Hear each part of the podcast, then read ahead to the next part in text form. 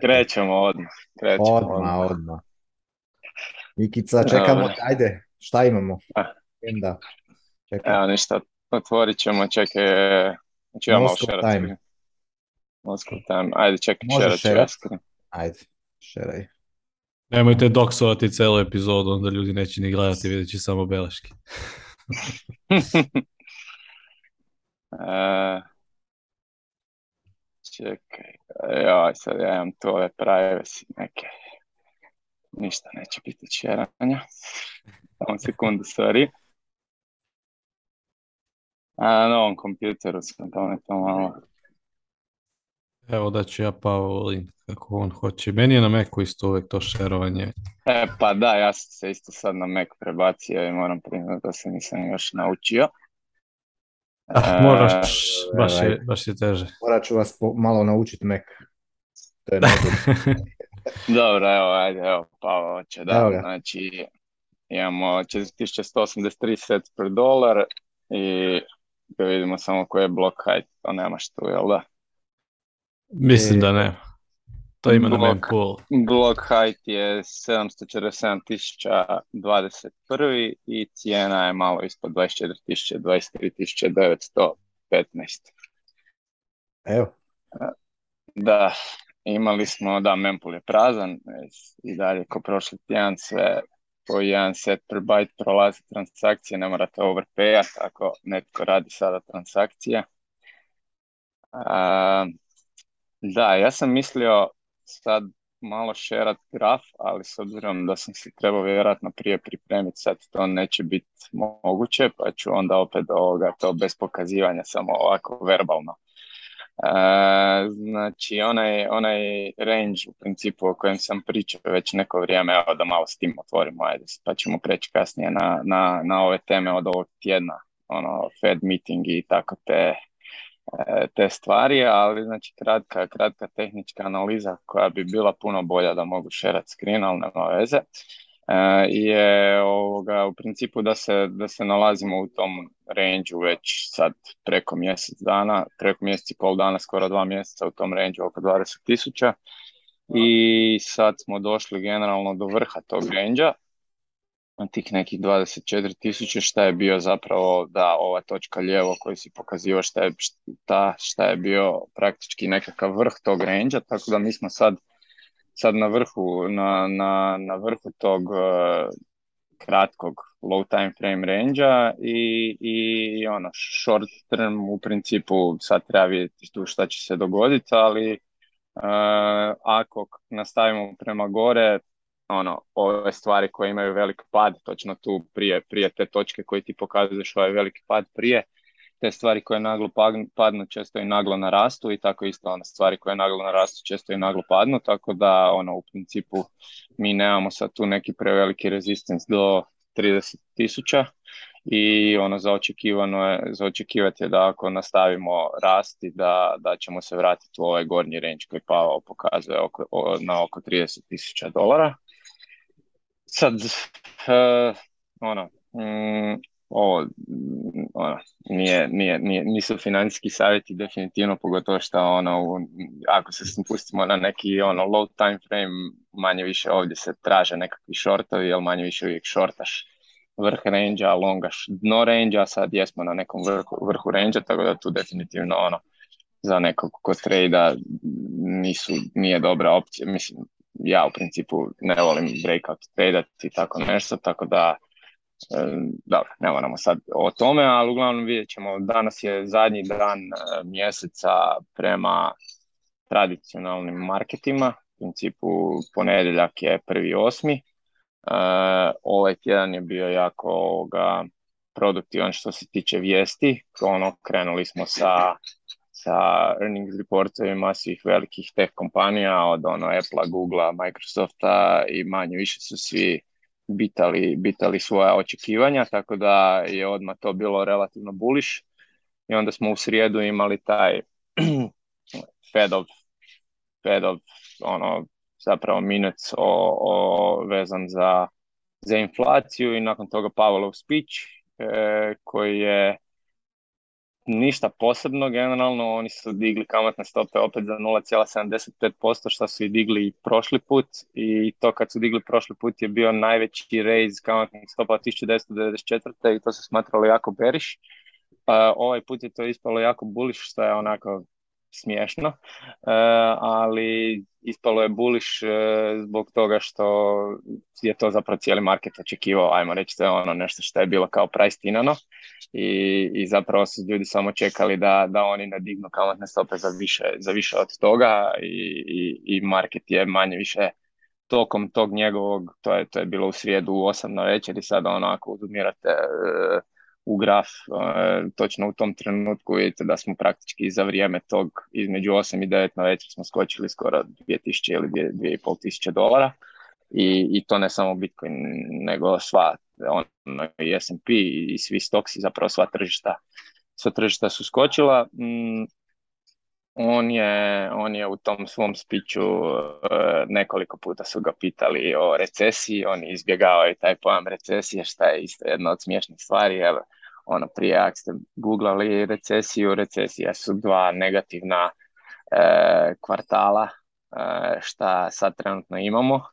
i nekako su oni odlučili zanemariti te bivše definicije i e, govore da nismo u recesiji. E,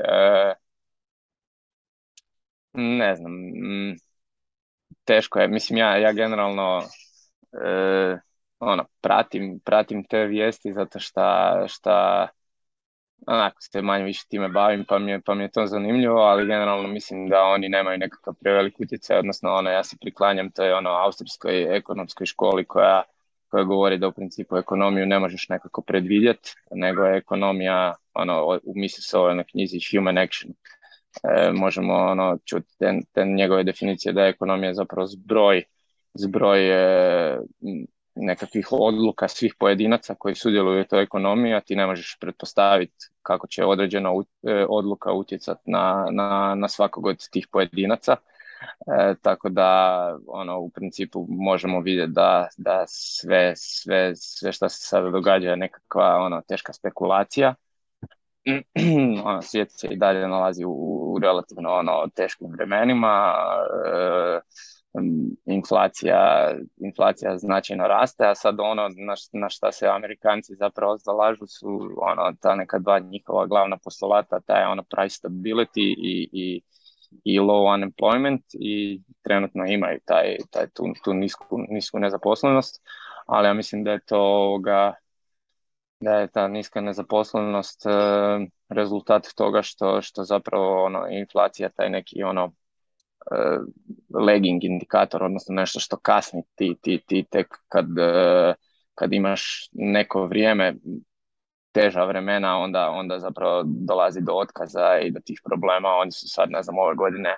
ja mislim da im je nezaposlenost ispod 3%, što je njima zadovoljavajuće da su dodali, ne znam, 2,7 milijuna novih poslova u prvoj polovici ove godine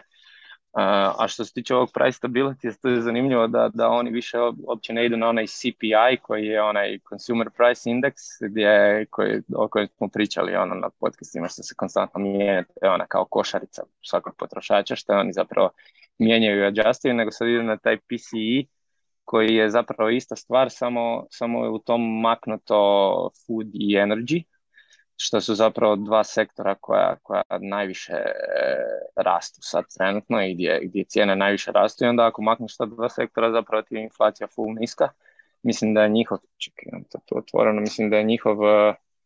sad kažem točno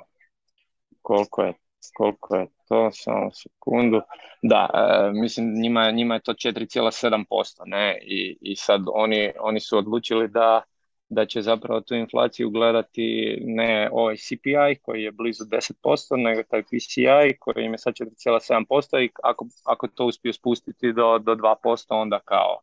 su oni napravili, zapravo ono su te imali tu, tu, tu recesiju i nema više straha od recesije. Um, i ne znam, moje, moje, moje, nekako mišljenje je da, da oni u principu, da, da će se glavni e, rezultat svega toga vidjeti e, krajem ove godine i početkom sljedeće godine kad će vjerojatno imati problema na, na tom svom e, job marketu i kad dođe do toga oni će vrlo vjerojatno morati ponovo uključiti onaj svoj printing press jer time se sve stimulira i na taj način to sve funkcionira i vjerojatno su zapravo krenuli sa ovim taperingom, odnosno sa smanjivanjem svog balance sheeta koji, koji je isto smiješna brojka, ono, ako to pratite, ne znam, Fedov balance sheet je, je u, u, piku bio, ne znam, 9 trilijuna dolara, to on, oni jednostavno kupuju ono sve esete da bi, da bi, da bi stimulirali ekonomiju tokom tog quantitative easinga i sad su to kao prestali i sad su smanjili ono mjesec, mjesec dana nakon toga je bio 8,9 trilijuna tako da to je ono i dalje ogromna brojka i zapravo nisu ništa posebno napravili to je ono čisto nekakva kozmetika ali mislim da oni e, sada dižu značajno te kamatne stope kako bi mogli ono kad, kad stvarno ti problemi izađu na vidjelo, a to je, to je vjerojatno taj rast njihove nezaposlenosti, da, da onda ponovno mogu uključiti taj ono, printing press i reći mi smo svoje već odradili i sad ćemo na ovaj način to stimulirati. Ali kao ono, kao što sam rekao ono, na početku, meni to, ja, ja, ja zapravo te više pratim te, te, te nekakve njihove odluke ono, na, na temelju toga. Mislim da ne možeš ono, donositi baš neke prevelike zaključke. Zapravo ja se više nekako ono, priklanjam tome da da oni, da oni izbace nekakvu odluku ili tako nešto kažu i onda nakon toga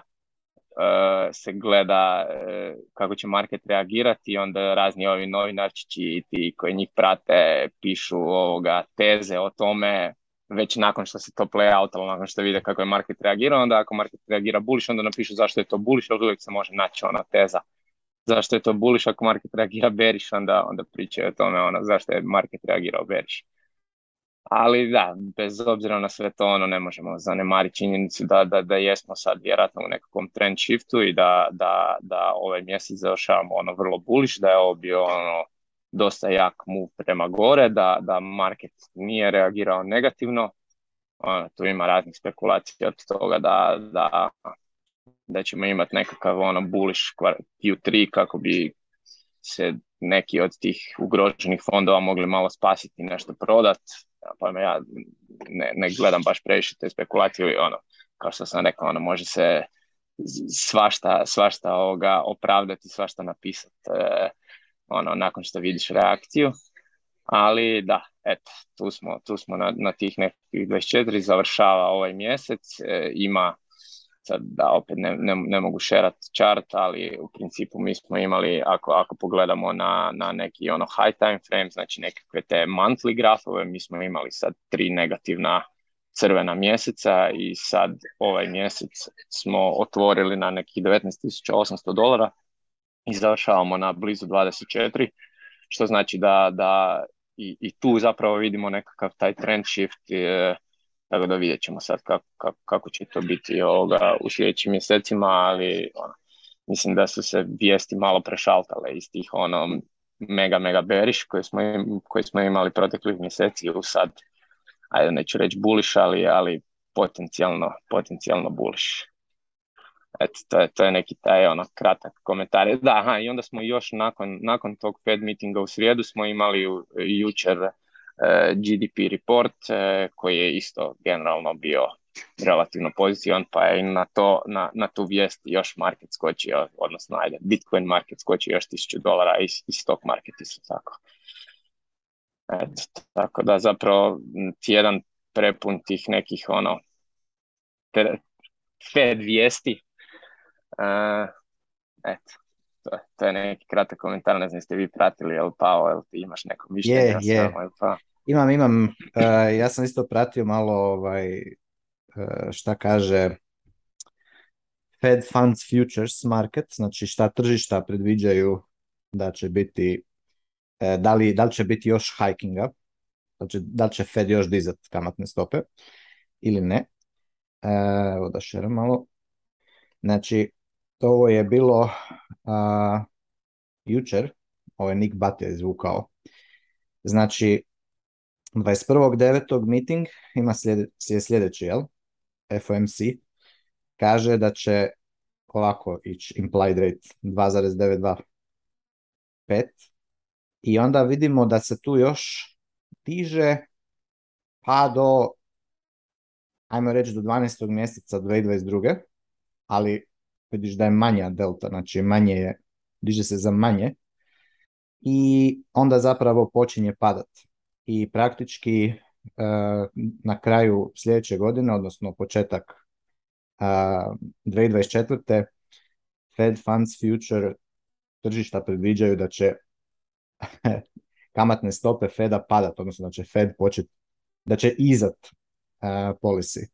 I u principu ovo tu zapravo implicira da smo, znači ovo tu je graf 10 year US government bonds yield. Znači imali smo od 12. E, mjeseca bull, praktički bull market u, u yieldu, yieldovi su rasle, kamatne stope su rasle, jel? kad kamatne stope rastu, aseti, vrijednost imovine pada, ne, cijena imovine pada. I, ali tu vidimo sada da je zapravo to ono, imalo svoj pik,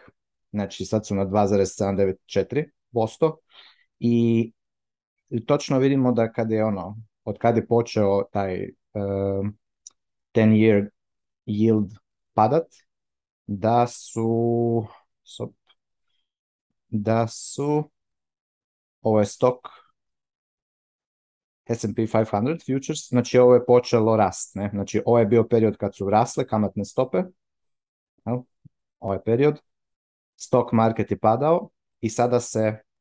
našo je bottom kad je ovaj tu našo top. I sada se oporavljamo. Naravno, ista stvar je sa Bitcoinom, Ne? Znači, ovo je tu je uh, bottom. Znači, most likely, to jest pritisak rasta kamatnih stopa od strane Feda je gotov, toga nema više. Znači to je, um, tržišta nam, futures market nam govore da Fed nema, neće sigurno recimo ići, e, ne znam, sad u devetom mjesecu dizat kamatne stope za 1 ili 1,5% ili 2% pa zapravo rušiti inflaciju. Jer se trebamo, ajmo reći samo, čisto ovako je malo za da se podsjetim one koji to su možda znali pa su zaboravili, ali neko ko nije znao možda će sad shvatiti šta, zašto Fed zapravo ne može i odnosno neće na ovaj način zaustaviti inflaciju. Da bi Fed stvarno napravio da se, da se ovo razriješi, ajmo reći ova situacija u makro svijetu, odnosno da se zaštiti kupovna moć fiat valuta, Fed bi morao dignuti kamatne stope na razinu iznad stope inflacije. Ne? Koju god hoćete uzeti stopu inflacije, hoćete uzeti CPI koji je sad 9-10%, e, ili zapravo ono što je po meni točnija ono, je recimo rata, odnosno rate of expansion of, of expansion of monetary base, to bi bila recimo stopa, ajmo reći, inflacije, znači koliko, kojom se brzinom širi, odnosno uvećava monetarna baza, Fed bi morao dignuti kamatne stope iznad toga. To bi vas značilo da Fed ono, digne kamatne stope na, ne znam, 13, 14, 15%. Što, što je, ne, ono, to, kad bi to stvarno napravili, to bi automatski ono, bankrotiralo eh, praktički sve e, kompanije, države, kućanstva koje imaju kredit i koje imaju ono, ugovorene variabilne kamatne stope jer jednostavno ne bi mogli više plaćati rate, rate tih kredita bi bile toliko velike da ne bi mogli više to plaćati, bankrotirali bi e, i to bi bilo ono urušavanje takozvano ono, deflationary bust, ne? E, ali bi se dolar i euro i svi, sve fiat valute na taj način zaštitile. Ne? Znači, to bi značilo da sad možete štediti američki dolar ili euro i dobiti kamatne stope u banci, ne znam, 15 ili 18% godišnje na to. Što se, of course, neće dovoljiti. znači, e, definitivno idemo u ono u smjeru inflacije, jel i ono i opet Fed će jednostavno e, to nam kažem govore tržišta uh, futures uh, Fed funds rate, da će Fed uh, već sljedeće godine, ono, već kraj sljedeće godine, ono, će biti rate, rate, cut, rate cuts, znači spuštanje kamatnih stopa, ali već i ova tu, ovo, ovakva zbivanja nam pokazuju da, da, da tržišta se oporavljaju i očekuju, znači očekuju, očekuju takav razvoj događaja. Znači, moj nekakav, moj financijski savjet je financijski savjet, ja volim dati financijske savjete, je i dalje, odite all in u Bitcoin, nemojte se zafrkavati, znači nemojte stajati on the sidelines eh, i čekat nekakav veliki dip, jer eh, likelihood za veliki dip svakim danom je sve manji i eh, ali ono i nije ni na kraju bitno ultimativno je da i dođe dip ako odete u Olin e, sad, ono što sam pričao zadnji put, pričat ću o tome i sa Matijom smo se dogovorili isto sljedeći ili tjedan nakon ćemo napraviti jednu epizodu baš na temu ono praktičnog e, života na Bitcoin standardu kompletnog. Znači jednostavno ćete ono promijeniti, e, izbalansirat ćete budžet ukoliko se desi dip od ne znam 10% ili 15% sad. Ali se ukupno ono ovo je jako jako pogodno vrijeme za što je moguće više se alocirati uh, u Bitcoin, jer kažem, um, kako stoje sada stvari iz moje perspektive, koja je više ono, gleda to tržišna, tržišna kretanja, um, to je, to je sada spremno za napraviti. Znači, ono što sam isto čuo jedan jako interesantan komentar, ne znam točno gdje sam, na neki Twitter space je bio sad prije par dana, neko je komentirao kako ako su sad, jer ono, ajmo reći sad su onako, neko u ovom beriš periodu od kada je Bitcoin ono pao na to 20.000 dolara, odjednom se masu ljudi ono poč, su postali veliki ono makro eksperti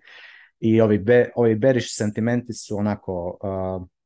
dosta, dosta argumentiraju kao ajme meni makro, makro je loš, loša situacija i tako dalje. Ali zapravo ti ljudi koji su sad full bearish, oni su uh, oni sada se ono drže se u, u, u dolaru, jel drže ono, dry powder, čekaju još uh, čekaju još dip da kupe taj dip. Uh, ali oni su zapravo trebali, ako su stvarno ono makro uh, orijentirani, oni su trebali još u 11. mjesecu lani, odnosno u 10. mjesecu, mislim da 10. ili 11. mjesec je bio FOMC američkog Feda, koji je rekao, ja se, sjećam dobro, sam to isto pratio, oni, su rekli da će, ono, da li su naznačili da će počet uh, e, tightenat monetary policy. I onda je, onda je bilo vrijeme za, za exit. Znači 10. 11. mjesec lani je bio vrijeme za otići iz Bitcoina ili iz svih risk aseta u, u cash. Ne? ja isto iskreno, iako sam to čuo, ja sam ono, nisam vjerovao da je to stvarno da će to biti tako, nego ono, sentiment mi je ostao buliš skroz do četvrtog mjeseca, gdje tako na 30 i nešto, 30 i možda 5-6 tisuća dolara sam nekako ja onako shvatio, ok, znači ovo stvarno, stvarno Fed ono, means business i stvarno će, stvarno će se ono, ekonomija hladiti i opet će, ono, more likely je bilo da će biti dip Eh, još jedan nego, nego ne. Ali evo, znači sada kažem, ovo je, eh, ono, signal je eh, buliš za risk asset sad. Znači više nije, znači ono, retail market generalno, ono, isto leg, leg radi, to jest kasni za onim što se događa. A zapravo onaj, onaj isto je isto jedan, možda bi bio argument, da je zapravo pravi bear market Bitcoina krenuo u petom mjesecu 2021. Jer tada je zapravo bilo, ako ćemo ono full pogledat da kao Bitcoin, ono, kao spearhead liquidity, ako je ono nešto što se što najriz, ono, na, na spektru tih rizika je među najrizičnije, barem percipirano tako kod eh, raznih kod ovih investitora profesionalnih, a, moglo bi se čak argumentirati da je onaj sell-off tamo u petom mjesecu 2021 kad smo pali sa 60 i nešto tisuća dolara na oko 30, da je zapravo to već bilo naznaka da je da je market, znači ovi naj, ovi koji hedge, fund, hedge fundovi i ono naj forward looking uh, playeri na, na tržištu, da su oni znali s obzirom na, na to što su u 2020. Uh, šta su radili lockdowne i što što su naprintali toliko, toliko dolara, da je to definitivno ono da će proizvesti inflaciju, već se tada počelo vidjeti lagano ono dizanje, dizanje cijena, ne na svemu, ali ono, ako se ko sjeća, bilo onaj lumber price je, skočio i tako dalje, ono, te građevinski materijali i tako druge stvari.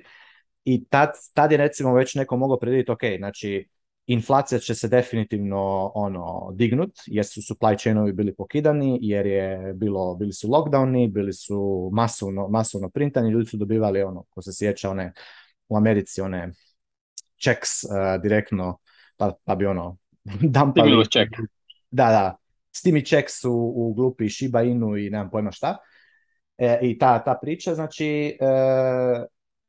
praktički ono je bilo ono Ehm, mjesto za, za, za take profici otiću u, u dolare i čekat da se tržište, ono, da dođe inflacija, da svi počnu očekivati i da onda Fed reagira na tu inflaciju i da onda ono počisti masu drugih ono bulova sad. Ehm, ali sad je to to je sad preokrenuto. Zbit sada beriš nije mjesto, nije, nije vrijeme. Ajmo reći ovako,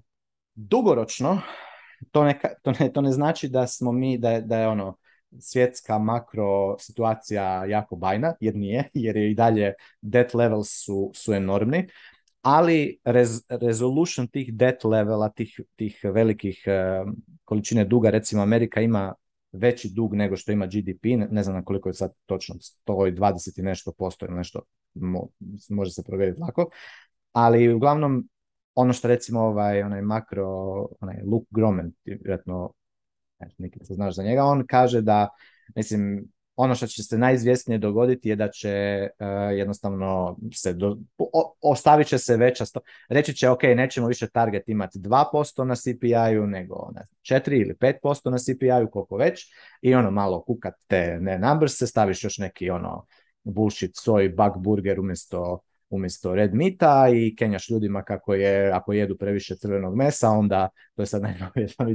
onda ono, uriniraju nitrogen i onda to je climate change, onda palimo planetu s našim, ne, ono, ili, znači postaju sve, sve, sve, sve luđe i luđe to se skupa, ali ono, dovoljno, dovoljno ono, ships, shipple uh, te priče, tako da E, ipak na taj način će ono, odnosno inflate away uh, jednu ogromnu, ogroman chunk e, duga. Ne? Znači, jednostavno, ono, moraju spustiti debt to GDP niže, ali to će spustiti kroz, kroz inflaciju. A u tom, tom slučaju, ono što ovaj, recimo dobar je, jako dobar, mi se sviđa ovaj Arthur Hayes, volim čitati svaki njegov, to kad se time Nikica pokazao njegov blog, onda baš, baš mi je ovaj, jako interesantno, on piše onako zanimljivo sad pogotovo ovih zadnjih par. to će biti, ono, to tjera Bitcoin na, na, na ono, milijun I, i, preko ovih narednih, ovo naredni period e, koji, koji dolazi, pogotovo kad Fed officially uh, okrene, okrene ploču. Tako da, eto, znači, e, nemojte biti sada beriš, to je moj ono, savjet, e, ja to moram ponavljati, ne sad više nije vrijeme za Big Bearish, ono, ako ste se ukenjali, ono, otkenjajte se i, i, i olinajte. Eto, ajmo dalje. Financial advice, by the way. Da, ja pa. samo još evo, pa, ne, samo kratak, kratak e, dodatak, da, ja se slažem s Pavom da nije sad vrijeme za bit beriš i, i, i, samo još kratak komentar na ovu inflaciju i deflaciju, znači, ono, to sam negdje pročitao i to je stvarno zanimljivo, zanimljivo ono, kao kažu, nijedna vlada nikad dobrovoljno ne bankrotira, e, zato što znaju koji je put van bankrota, to je printanje love i zapravo ako oni ne krenu ponovo printat, to znači da će dobrovoljno bankrotirat, što u principu je stvarno ne bi trebali očekivati, pogotovo što im se taj quantitative easing i to printanje pokazalo ultra profitabilno za sve njihove sektore i pogotovo za njih, ono, onaj klasični kantilion efekt, ono što se ti bliži tom money printeru, to je tebi bolje osobno. Tako da stvarno ono, ako ćemo pričati o nekim vjerojatnostima, veća je vjerojatnost da će oni to napraviti, a za slučaj da ne naprave, što stvarno mislim da je manja vjerojatnost, to znači da, da idemo zapravo spuštati tu inflaciju i da neće biti više e, jeftine love i da idemo ka nekoj deflaciji.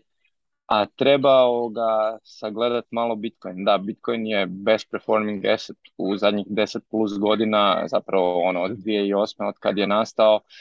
u ovom ultra, ultra inflacijskom i easy money ovoga periodu. Ali ne treba zaboraviti činjenicu da je Bitcoin zapravo, iako nismo nikada imali e, negativnu situaciju, odnosno deflaciju od kad je Bitcoina, ali treba, ne treba zaboraviti činjenicu da je Bitcoin of the world's scarcest asset ever i da zapravo taj scarcity kad tad treba kikinat, a u slučaju kad e, Eh, je kad, kad, kad novaca nema toliko u sustavu, kad zapravo živimo u nekakvoj deflaciji, zaočekivati je da, da ti rijetki S&T eh, outperformaju. Eh, to ne znači da ako mi upadnemo u, u nekakvu duboku recesiju da će Bitcoin odmah bouncat, ali velika, velika vjerojatnost je da će svi ostali ovi veliki risk on asseti kao što su dionice i slično krenu od padata da će Bitcoin bottomat puno, puno prije njih i zapravo da će ono kick offat taj svoj, e, svoj nekakav novi ciklus i dekorelirati se od svega toga. Tako da u principu e, oba scenarija su pozitivna za Bitcoin. Ako nastavimo živjeti u ovom periodu e, jeftine love, E, vrlo vjerojatno će sve nastaviti e, ko šta je bilo proteklih godina, znači equity će rast, Bitcoin će rast više od toga. ako se to na neki način promijeni, što po meni nije za očekivat, e, vrlo vjerojatno će kratkoročno Bitcoin padati jer će sve padat, ali nakon toga će eksplodirati i zapravo se dekorelirati. To je ono što mi svi Bitcoin naši pričamo da će se dogoditi. Tako da po meni je realnije da se Bitcoin dekorelira E, i, i značajan skok napravi u, u, u, tom nekom ono svjetskom krahu ono svih tradicionalnih tržišta što po meni nije još realno za očekivati da će se dogoditi sad, nego vrlo vjerojatno ćemo imati još jedan cijeli ovaj ciklus money printinga ili, ili nekoliko njih. Ali u svakom slučaju ono budućnost je svjetla za Bitcoin i slažem se sa šta je Paolo rekao da sad definitivno ne treba biti beriš ako ako želite donositi nekakve financijske odluke na temelju tih nekakvih e, e, fundamentalne analize ili, ili slušanja toga što Fed radi, za to je bilo vrijeme napraviti prije, a ako niste napravili prije, onda sad definitivno nije vrijeme za, za to napraviti, nego eventualno baš obrnuto, jer e, kao što sam ja rekao i kao što je Pao rekao, nekako se vidi da se trend mijenja i, i, i da oni su potencijalno najavili smanjivanje tih ovoga rate hajkova i, i novi easing e, u, budućnosti. Eto, to, to, to sam samo još htio nadodati. Imaš ti, Pavle, nekakav komentar ili ćemo krenuti na, na, na ti na toliko. Idemo odmah na e. tehnološke vesti i na šta se to zbilo ove nedlje, dvojica o dobro pokrivate, tako da nemam tu ja potrebe bilo šta da se mešam, pogotovo što mnogo to bolje znate nego ja i pratite više svakako. ja mogu da pričam o tome kako, ovaj, to sam baš sad sinoć malo nešto uspeo da slušam Tales from the Crypt, pa je bila interesantna konstatacija vezana za Kit, ovaj novi software E, koji su Bitfinex i Tether izbacili, odnosno to je zapravo jedna ista firma, nema tu neke razlike. Bitfinex i Tether su ista firma ih, e, znači im je ono parent e, kompanija, tako da uh, ajde prvo da krenem s ovom temom kako bitcoineri sve više ovaj, uh, postaju bogati na jednu ruku i sve više se vrši ta preraspodela bogatstva ka, ka bitcoinerima, onda oni više imaju taj nagon da grade alate i platforme koje zapravo pružaju slobodu ljudima koje su sve više i više bliže Bitcoinu po prirodi, tako da smo eto Bitfinex i Tether, ovo je bukvalno njihovo ono, zezancija projekat, ja mislim ovo, ovo su oni izbacili čisto ono alfa software, platforma koja se zove Kit, uh, decentralizovani video peer-to-peer chat. Eh, eto, ovaj, eh, njihova ideja je da integrišu i Lightning i USDT, odnosno Tether u budućnosti. Za sada je to samo peer-to-peer video platforma. Šta to znači? Mislim, kao i BitTorrent, nema tu neke filozofije, nema, nema centralnog servera. Ja upalim svoj kit, ti upališ svoj, podaci se samo šeruju između mene i tebe kao dva pira na mreži, isto kao što i Bitcoin sam po sebi funkcioniše. E sad, interesantno je da, ovaj, iako su Bitfinex i Tether, eto tako malo neki ono, možda bi imali neki, kako se to kaže, incentiv da, da to stave na blockchain, da imaju neki token za to, da to je to još jedan niz od peer-to-peer kao video chatova. Ovo zapravo nije to, ovo je čist peer-to-peer uh, video platforma bez ikakvog blockchaina, bez ikakvog ovaj, tokena. Uh, tako da je to je ono što je čini interesantnim. I sada imali su baš onaj njihov CTO je baš pričao ovaj, zašto zapravo blockchain i tu i nema smisla i mislim da je to već i više nego jasno da za prenošenje te količine podataka blockchain jednostavno nije prava tehnologija za to. Oni koriste nešto što se zove uh, hole punching, eh, u suštini mala količina baza podataka koja se čuva lokalno kod korisnika i poziva se po potrebi, znači ako nas trojica sada radimo poziv, taj poziv će biti kod nas trojice na, i podaci koje smo mi šerovali međusobno samo kod nas trojice bez ikakvog centralnog servera ili bilo kakvog servera dodatno i ako sljedeći put recimo Pavo i ja budemo na mreži, mi ćemo i dalje imati te Nikicine ovaj, podatke sa prethodnog kola, tako sam ja sad to razumeo. E sad, da li se to čuva u smislu snima kol, mislim da ne, nego jednostavno čuva te peer podatke za lakšu konekciju između nas. E sad, dobra stvar je što je to peer-to-peer, što to znači da kvalitet video poziva i videa će biti mnogo bolji zato što nemamo između hiljadu hopova, hiljadu servera gdje se to čuva, ide, tako da ljudi koji su testirali, ja nisam zato što treba dvoje da bi testirali to, mislim, neko treba samo da se zakači na poziv pa da ovaj, probamo, ali generalno je, kažu ljudi da je video e, i audio kvalitet dosta bolji. A, pa naravno, da, da, svi podaci su end-to-end -end enkriptovani, između nodova. Jedina stvar e, koju sam čuo je da je još uvijek, znači sad ako smo nas trojica na pozivu, mi ćemo nekako moći znati IP jedan drugog, što je onako bez VPN-a, da, može biti taj e, ono, e, rupa u privatnosti, ali također su izjavili ovaj CTO, mislim da je komentarisao to i da je rekao da će oni objaviti neki ovaj workaround za to sada i da će to open sourceovati. verovatno će maskirati nekako taj IP preko nekog e, ono tunela na VPN-u ili nešto slično. Ali za sada, eto, ko želi neka proba, dobra je stvar. Mislim da je interfejs je jako jednostavan, nema tu nekih e, komplikovanih još uvijek e, svojstava da sad ti nešto možeš tu da snimaš. To nama fali, recimo, inače bismo možda mogli to da koristimo, ali koliko sam ja video, nema još uvijek call e, recordinga, mada trebalo bi probati da, da budemo 100% sigurni.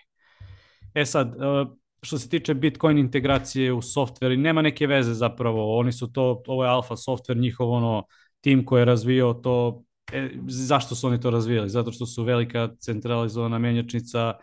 dosta hakera, sad imaš ovih vladinih entiteta koji verovatno žele da te njihove komunikacije i onda su oni samo za sebe bukvalno napravili softver da mogu peer-to-peer da imaju video pozive. I onda su to pustili u javnost i eto imamo sada kit. Eh, za sada je samo desktop eh, varijanta softvera eh, dostupna, mislim da ga imaju za sve tri platforme, znači Windows, Linux i Mac, ako možda nije baš za Linux, ali verovatno ima i za Linux, nisam siguran. I to je otprilike to. E, sad, da, krenuo sam za Lightning da pričam i nema tu neke, neke velike ovaj, monetizacije za njih. Mislim, oni su ovo postavili bukvalno ono, ljudima da eto, mogu da grade na osnovu tog call punching protokola koji su oni koristili i da, eto, jednostavno, ko hoće može da integriše e, Lightning i Tether. E, ne znam sad koliko će to imati smisla za, za video chat, koliko često zapravo ti ne znam momci, ali znate vi neki use case osim ono cam girl, pa onda sad nemam pojma, peer-to-peer cam girl da, da, se tipuju. Ne, ja, jedino mi je to palo na pamet. Sad možda, možda je to moj problem što meni to prvo padne na pamet, ali ovaj, možda neki video streaming eto, ovih gamera i tako nešto gde bi taj tip mogo, E sad da, još jedan use case može da bude ono pričamo nas dvojici iz inostranstva, pa ti meni šalješ tip porodici ili jednostavno za neki posao, ne znam sad kako će to. Ali ono što se meni svidjelo je da će za Lightning infrastrukturu koristiti Greenlight, blok streamov, pričali smo o tome na prethodnim podcastima, ajde sad da ne idem šta je Greenlight ponovo, ovaj, ali razmišljaju da daju i full node, eh, odnosno ceo Lightning node za, za te kit korisnike koji to žele da, da povežu svoji... Lightning. E, Mobilna aplikacija dolazi novembra, čini mi se, ove godine, tako da, eto, to je nešto, ovaj, malo sam odužio, ali mislim da je bilo, e, da, on isto funkcioniše po principu privatnog i e, javnog ključa, znači public key cryptography, gde vi meni otkrivate svoj, naravno, javni ključ, privatni čuvate lokalno prilikom prve, prvog lanča, odnosno prvog pokretanja tog softvera, on kreira taj key u pozadini i čuva ga lokalno na, na, na računaru. Tako da, eto, to je nešto što, što je meni bilo interesantno ove nedelje. Nisam probao, ali cela ta priča može da bude, eto, da otvori novu temu, baš to kako bitcoineri sve više napreduju na svim nivoima, eto, imat ćemo sve više alata koji su zapravo i ono, u skladu sa tim našim šta, kako sad to da kažem, ovaj, ideologijom, odnosno slobode, privatnosti, tako da, eto, ne znam, jel, ste probali, ste malo bacili pogled, ovaj, nisam siguran. Odlično, mislim, ja sam vidio da je to, i zašto nisam probao još, moramo probati skupa, ali čim sam vidio da je to ovaj Paolo Arduino, on je bio kod Cefidina na seminaru, taj CTO uh, Bitfinexa, odnosno Tetera, E, on me se jako dojmio na tom seminaru, čovjek je jako, jako kuži e, stvari i, i ono i oni ono i ulažu u u Lightning i u općenito u Bitcoin. E, znači kuže nije, nisu neki ono pure shitcoin kazino koje je ono ala Coinbase recimo i tako ti, nego oni baš mislim da su ono dobri igrači i i ono kome trebaju kome treba Tether i stablecoin, a, ono, pokazali su da oni mogu, a, e, koliko ono rekao, 18 milijardi dolara, ili tako nešto su imali redemptiona u dolar u roku, ne znam, tjedan dana, e, što je nevjerovatno. To, to je recimo, znači, Tether e, i Bitfinex tako dobro, mislim, ja sam baš komentirali, ima ta podcast epizoda i izašla van ako hoće ko gledati Paolo Arduino na safeedin.com, ali uglavnom oni su koment... bio je komentar da recimo vrlo vjerojatno i ono, možda čak i najveće banke na svijetu,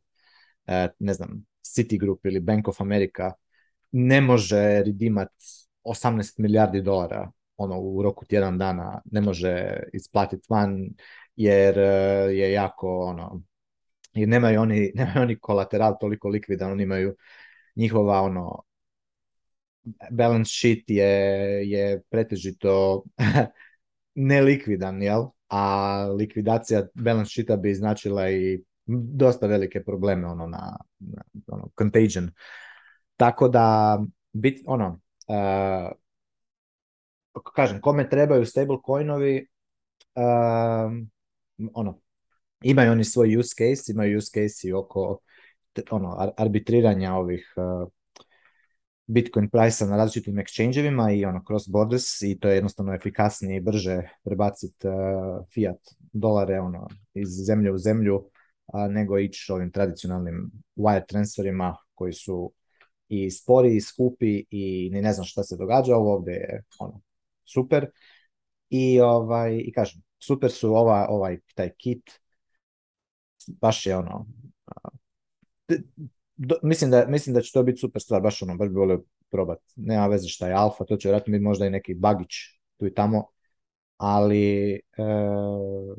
ono, korisni, koristan, koristan alat sigurno, jer ono, ja sigurno ne bi volio ne znam, koristiti Zoom ili bilo šta, ne znam, Telegram video chat za nekakve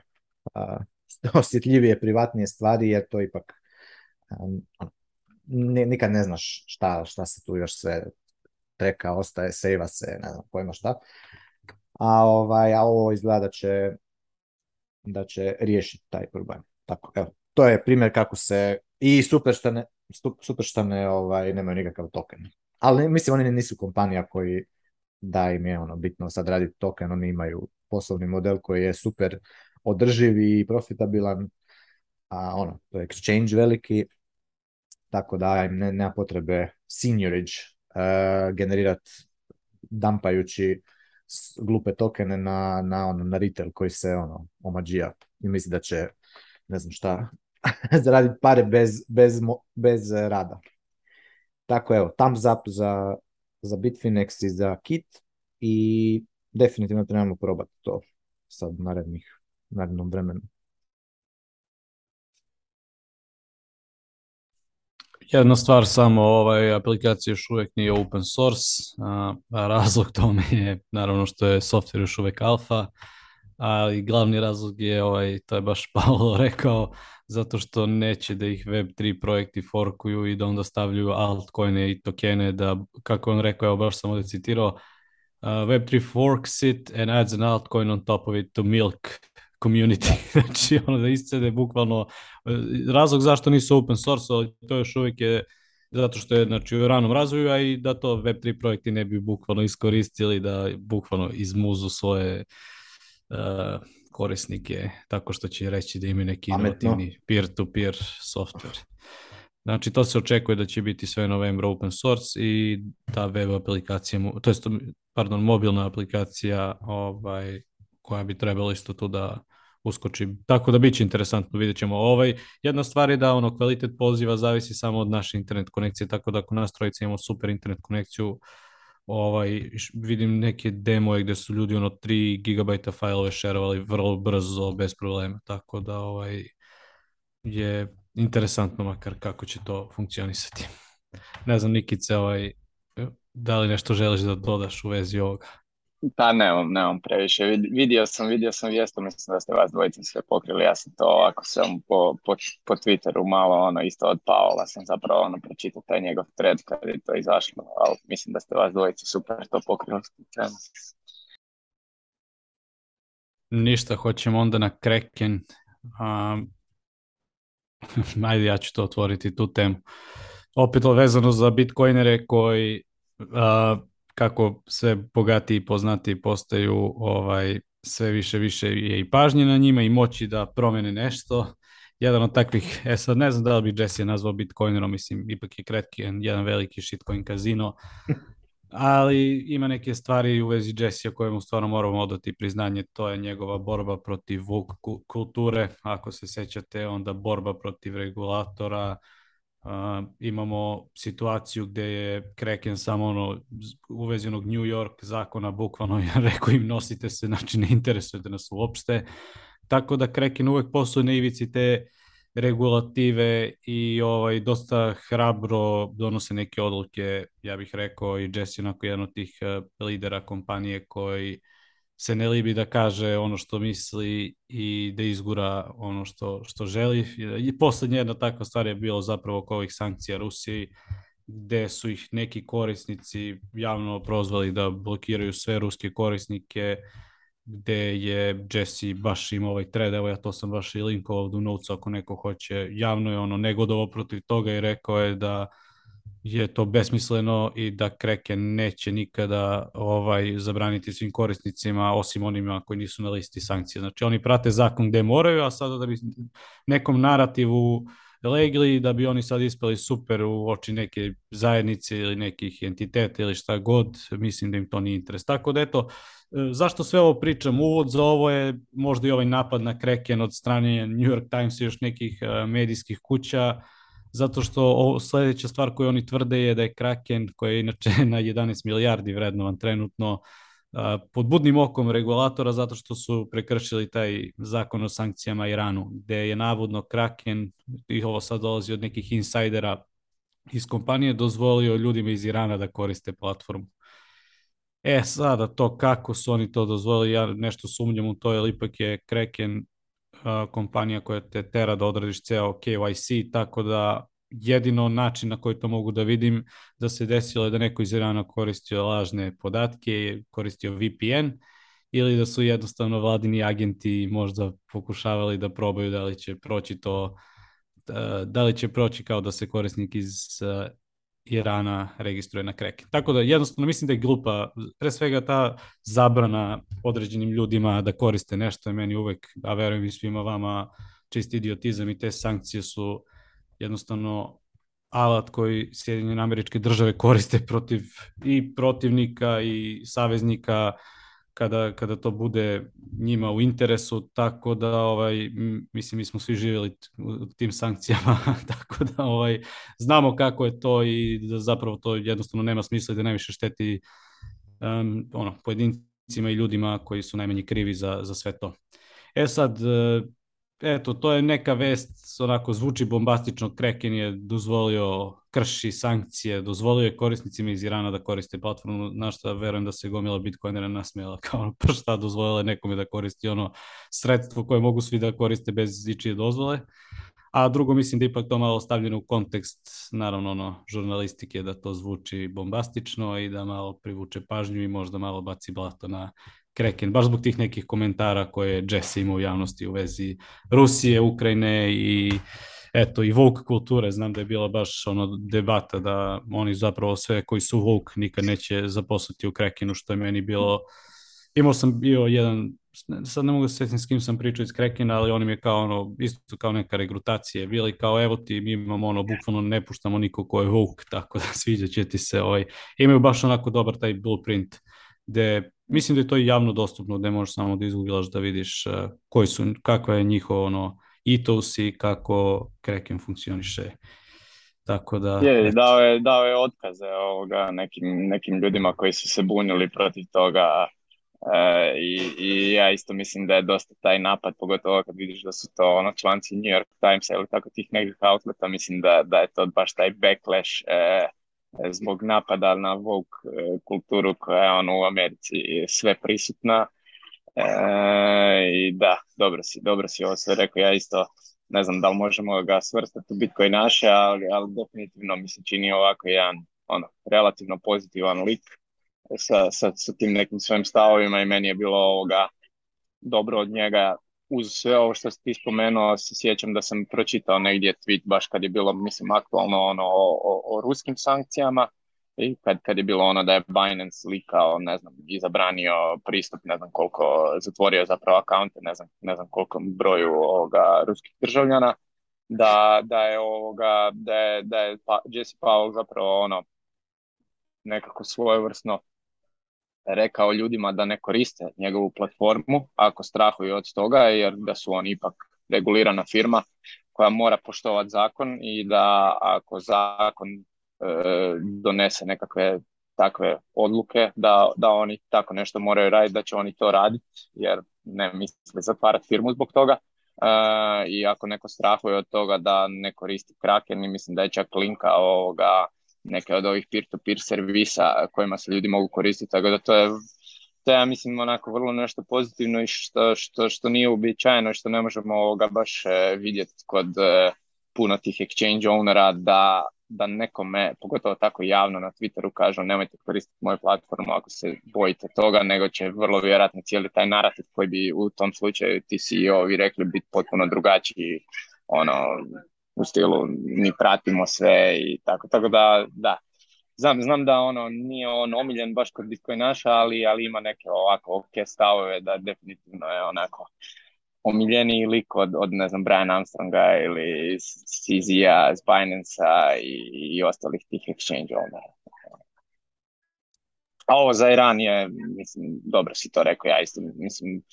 E, s obzirom na, na, na količinu e, otvaranja novih e, akauntova i zapravo interes ljudi prema kriptovalutama, mislim da svi ti exchange ne znam uopće koja je to brojka, mogu samo spekulirati, ali pretpostavljam da se tu radi ono o desecima tisuća novih računa na dnevnoj bazi gdje je u principu ono možeš staviti tuđe podatke ili tako nešto, ili je to neki onaj inside job nekih tih agenata da, da mogu ga oblatiti to, vjerujem da se radi o tako nečem. Da, apsolutno, mislim, e, treba bit e, treba uzeti u obzir da je ovaj,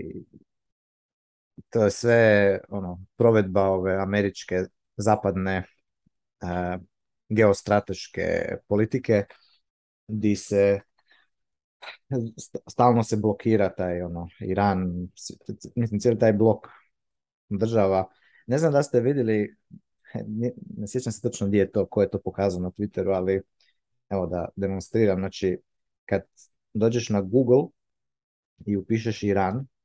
i odeš na images slike, dobit ćeš ovakve slike. Ovo slike Google Iran. A ako odeš na Yandex, što je ruski ono, search engine, i upišeš Iran i odeš na, na slike, dobit ćeš ovakve slike. Znači, e, to samo govori koliko e, su u biti, ću e, znači, vidiš ti šta je, koja je to razlika. Znači, koliko je u biti sve ovaj veliki big tech je u principu ono, i Google i, i Facebook i,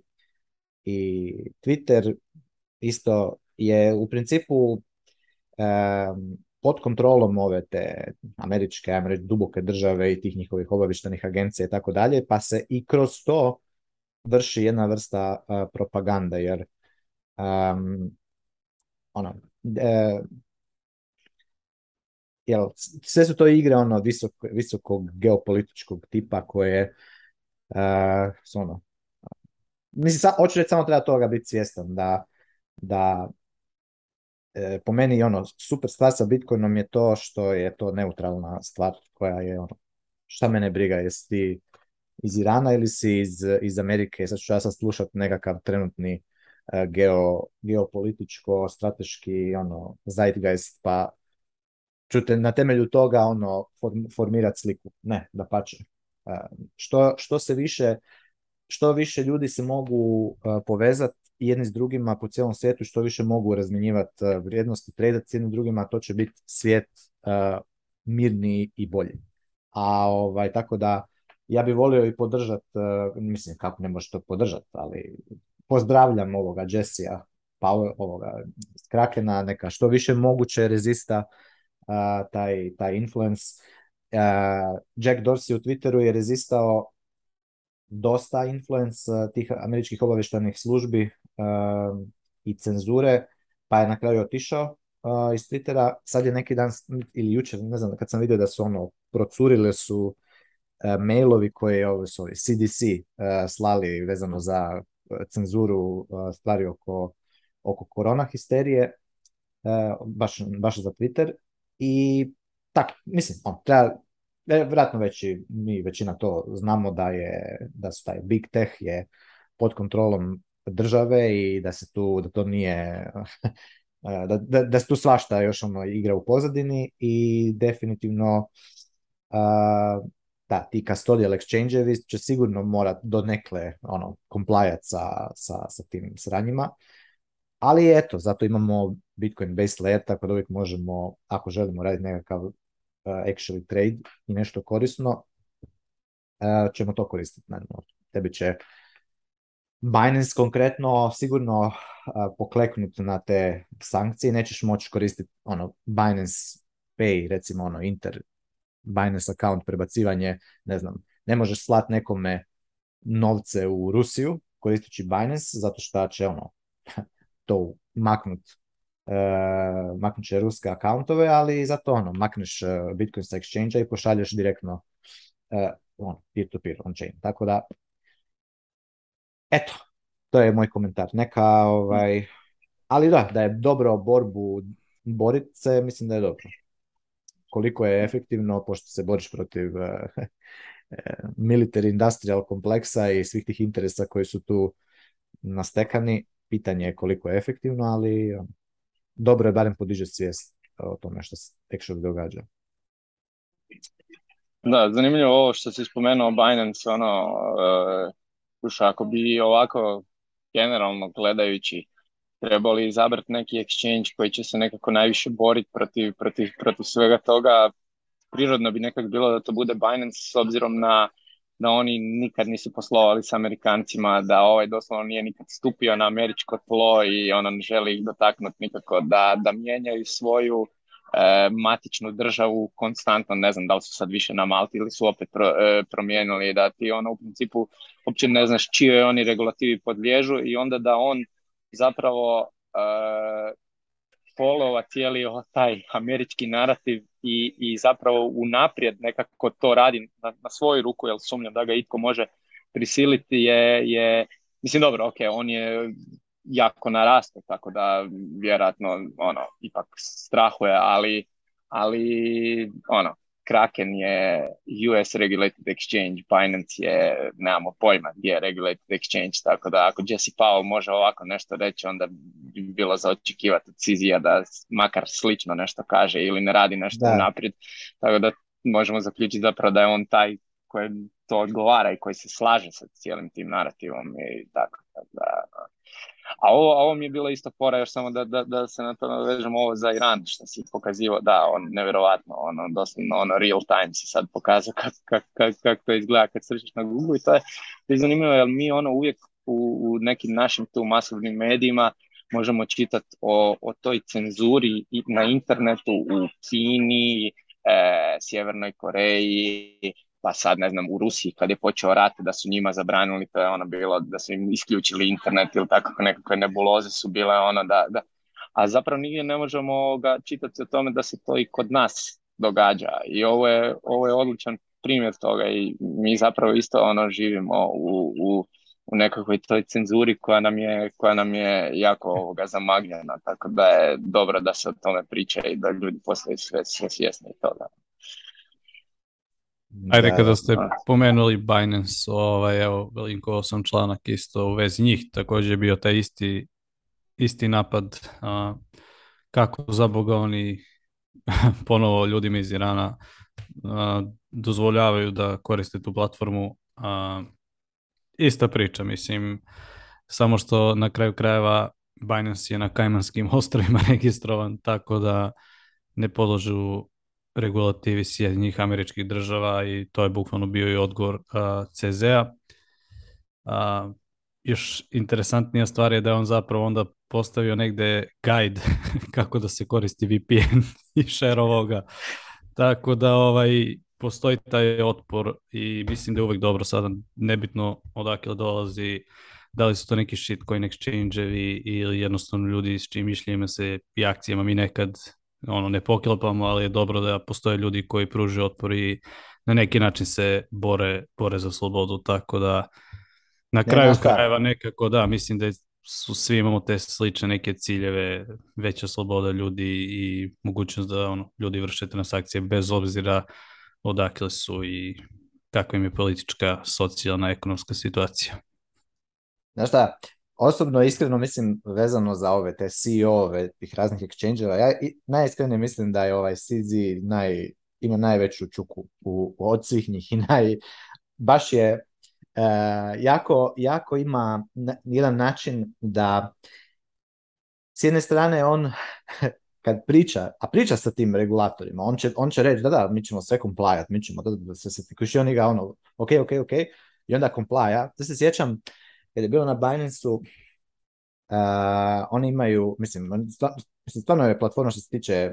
ono, svega jako, jako dobra. jako, jako dobro, jednostavno dobro, dobro funkcionira. A sjećam se, bio je u jednom periodu, to je trajalo možda jedno par, par tjedana, tako nešto. Nisi mogao konvertirat euro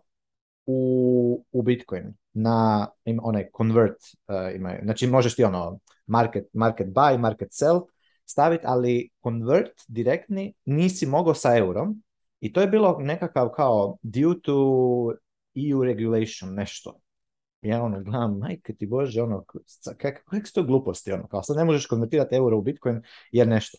I to je trajalo neko vrijeme i onda opet možeš. Ili isto, recimo, imaš onaj, eh, ima, oni imaju one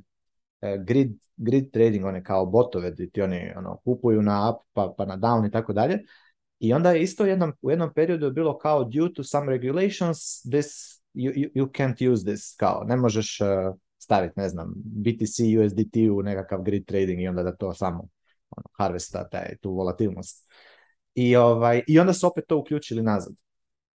znači, Binance ono, oni, ja mi reći, plivaju među tom ono, regulativom, arbitriraju razno razne te, te ovaj, međunarodne ono, eh, sisteme i, i jurisdikcije i tako dalje i mislim da je ono, eh, stvarno provajdaju jako dobar eh, servis za ono, ogroman liquidity, mislim baš mislim da su jako dobar isto ono, uh, player, ono kad biš vidio kad bi gledao, na primjer, uspoređivao Binance i Coinbase, mislim, taj Coinbase, ono, je stvarno se pretvorio, ne znam jeste gledali ovaj sad zadnje ono što su snimili, onaj glupi video, onu ono animaciju, mislim, stvarno, baš, ono, trash. A Binance, s druge strane, pazi, a, ti recimo imaš u, u, ovim zemljama gdje je ono hiperinflacija, ne znam, Venezuela i takve, takve zemlje, znači oni ne, oni, oni, njima je Binance praktički ono, banka, oni, to je, i to je najbolji način kako mogu biti, kako mogu držati dolar, kako mogu držati bitcoin, ti možeš poslati čovjeku ono, na, sa, ne znam, 5-6 različitih mreža mu možeš poslati e, američki dolar stablecoin, uh, samo na njegov Binance account i inter Binance accountovi se mogu ono instantno transferirati e, novac za nula fija. Ne? Tako da tako da Binance je za, za, taj emerge, za taj emerging market stvarno ono vrhunsko rješenje i nažalost, mislim oni imaju nekakvu kao Binance US, uh, eh, nekakvu kao subsidijer ili šta je to već, ali to je ono, mislim da oni nemaju, ono, to je kao strip down. Mislim da su to čak i zatvorili, nisam siguran. Ili su zatvorili, da. U svakom slučaju to nije taj Binance kojega mi koristimo, ono. Mislim, eh, meni recimo Binance, čisto ja ga koristim E, radi te kartice što ima taj Visa card, di onda ti dozvoljava da možeš, što je ono, interfejs između Bitcoina i fiat svijeta, di ja mogu biti na full Bitcoin standardu i, i jednostavno plaćat e, ono, u dućanima normalno, ko, da, ko da držim na, koji tu u Hrvatskoj je hrvatska kuna, ono, službeni, službena valuta shitcoin, a ovaj, ko da držim, ne znam, švicarski franak na, na, na, na računu i onda švicarski franak konvertiram u kune u trenutku kad idem u, u trgovinu. A ovdje držim Bitcoin na, na, na Binance-ovoj Visa kartici i u trenutku kada, kada kupujem se konvertira u, u, u kunu ne? i onda se prodaje, tako, to jest plaća se račun. Tako. tako da je to super eh, i super funkcionira i meni ne draže nego ono kad izvučem Apple Pay i platim u dućanu kažem, evo sam platio sa Bitcoinom. Gledaj. Ma da, da, da, da, da, može biti. Tako da, eto, tam zap za CZ-a. Jest da je on isto, to je veliki shitcoin kazino, ali ono šta ćeš, mislim, evo, možeš, na kraju krajeva i ti shitcoin kazino ipak daju ti nekakvu, odnosno uh, e, servaju purpose uh, u tome da uče nubove da se, kako se stvari ne rade. Mislim, ono, daje nekom panju ono tamo da radi, da treda sa 50x, 100x leverage i lik će popušit e, pare jako brzo i onda će se opametiti, hopefully, ne, tako da, mislim, ili ono, trader shitcoine pa će se opametiti over time, tako da, uh, eto, ne znam, uvijek, država samo ono, radi probleme, a evo vidiš, ovaj free market e, se snalazi i, i traži ono rješenja oko tih problema. Da, ne znam, ovaj, Pavo, kad si, kad si pomenuo cz i Binance i kako se oni uvijek onako sa regulatorima lepo druži, ovo, ja se uvijek setim iz 2018. ova slika, ja sam je šerovao u chatu ovdje, ali gdje je CZ u onim bermuda šorcevima tradicionalnim i ono u sakovu i onda je to bila sprdnja ovaj, to se baš, to je on, on još, to iz 2001. inače kasnije, ali imaju jedan iz 2018. gdje je, mislim da sam ga i tu ranije šerao, gdje su ga ono baš ljudi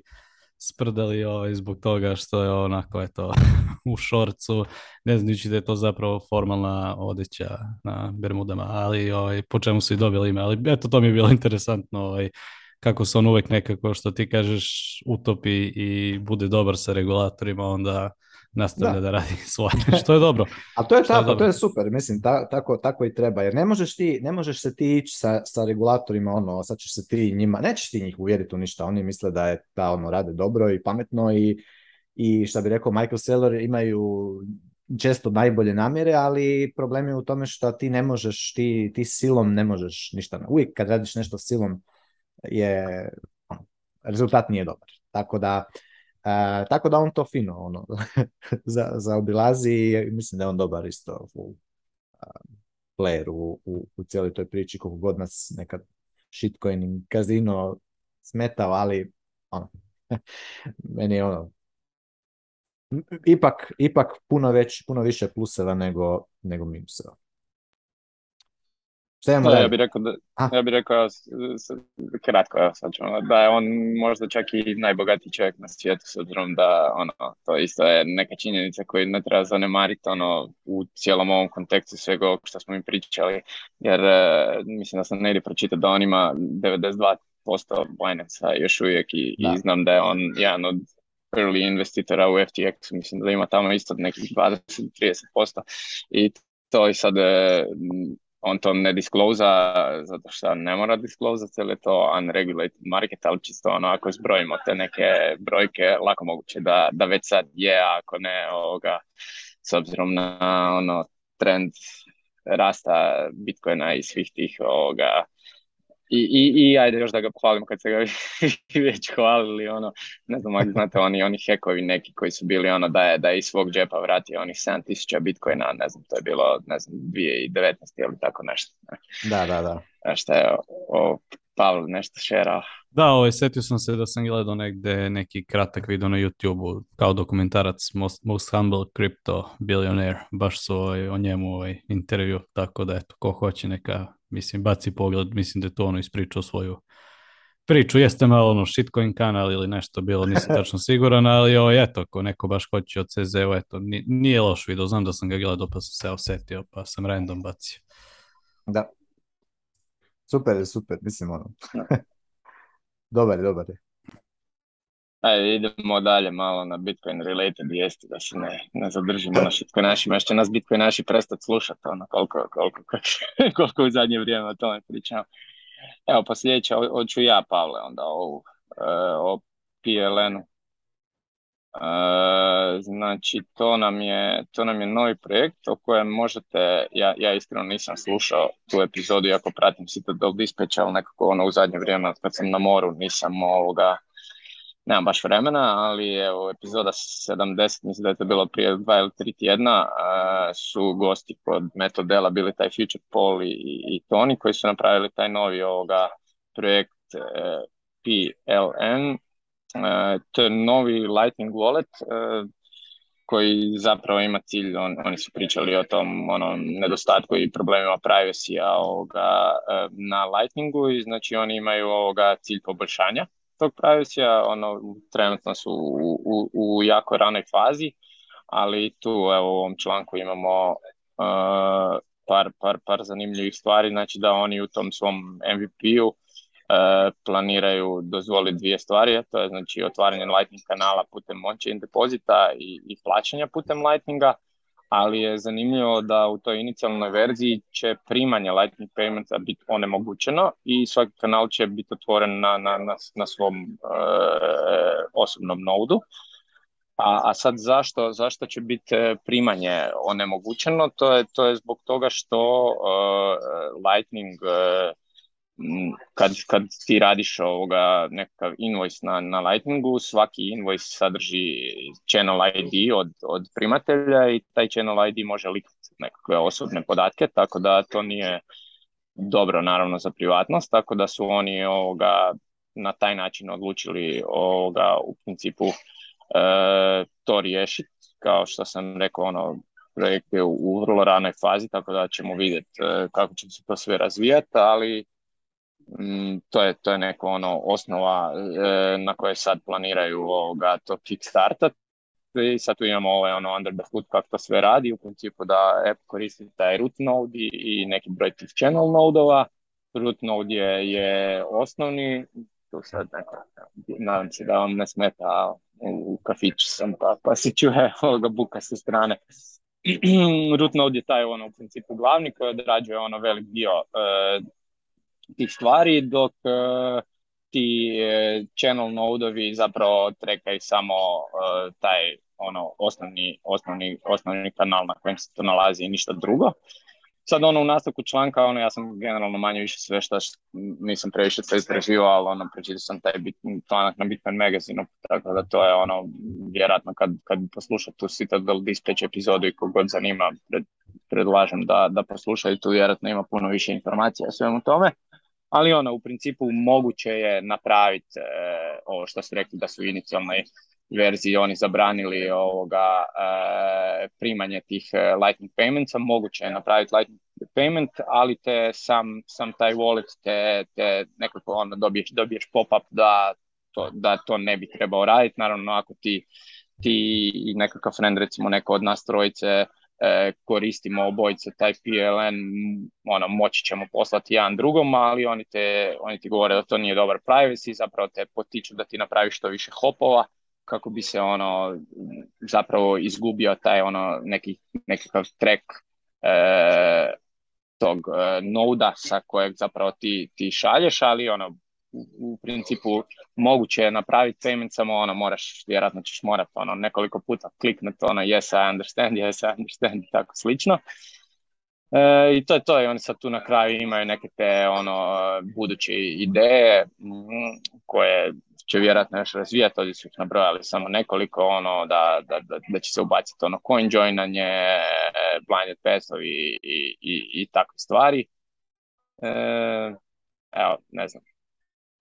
ne znam, jel, jeste vi možda ovoga, ne znam, jesam ja to ok pokrio, ja sam manje više to, ono, šta sam, šta sam uspio isčupat, ono nisam previše pratio, znam da si Pavle ti ovoga, puno više u tome, jel, jesi čuo ovoga, nešto o tome, jel, jel znaš nešto više o tome, jel se ja nešto pogriješio, jel tako nešto. Ovaj, ma nisi ništa dobro, dobro si ti ovaj, to objasnio, samo što meni iz ovog članka u Bitcoin magazinu nije jasno zapravo šta je selling point ovoga osim kao neki bolji privacy, a oni kao prvu stvar listaju ovo Lightning Channel za Via on-chain, znači da ti možeš otvoriti kanal kad staviš on-chain, pa to je već moguće na gomili voleta, tako da ne znam ako im je to glavni selling point, onda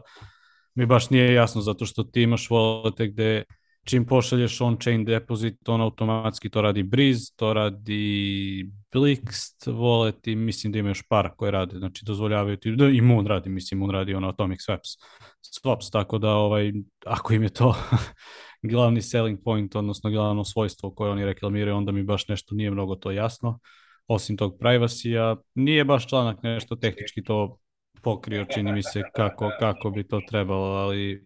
ajde vidjet ćemo i ne znam, ovaj, nisam baš u, slušao taj e, Citadel Dispatch za PLN, pa ću ajde baciti pogled e, o čemu se to radi. E, evo sad vidim da imaju linka GitHubu, pa ću to možda malo ajde za sljedeći put baciti, baciti pogled o čemu se radi. Pošto mislim da, kako ga je ovaj, predstavio ovaj autor članka na Bitcoin magazinu baš i nije najjasnije makar meni šta je, šta je glavna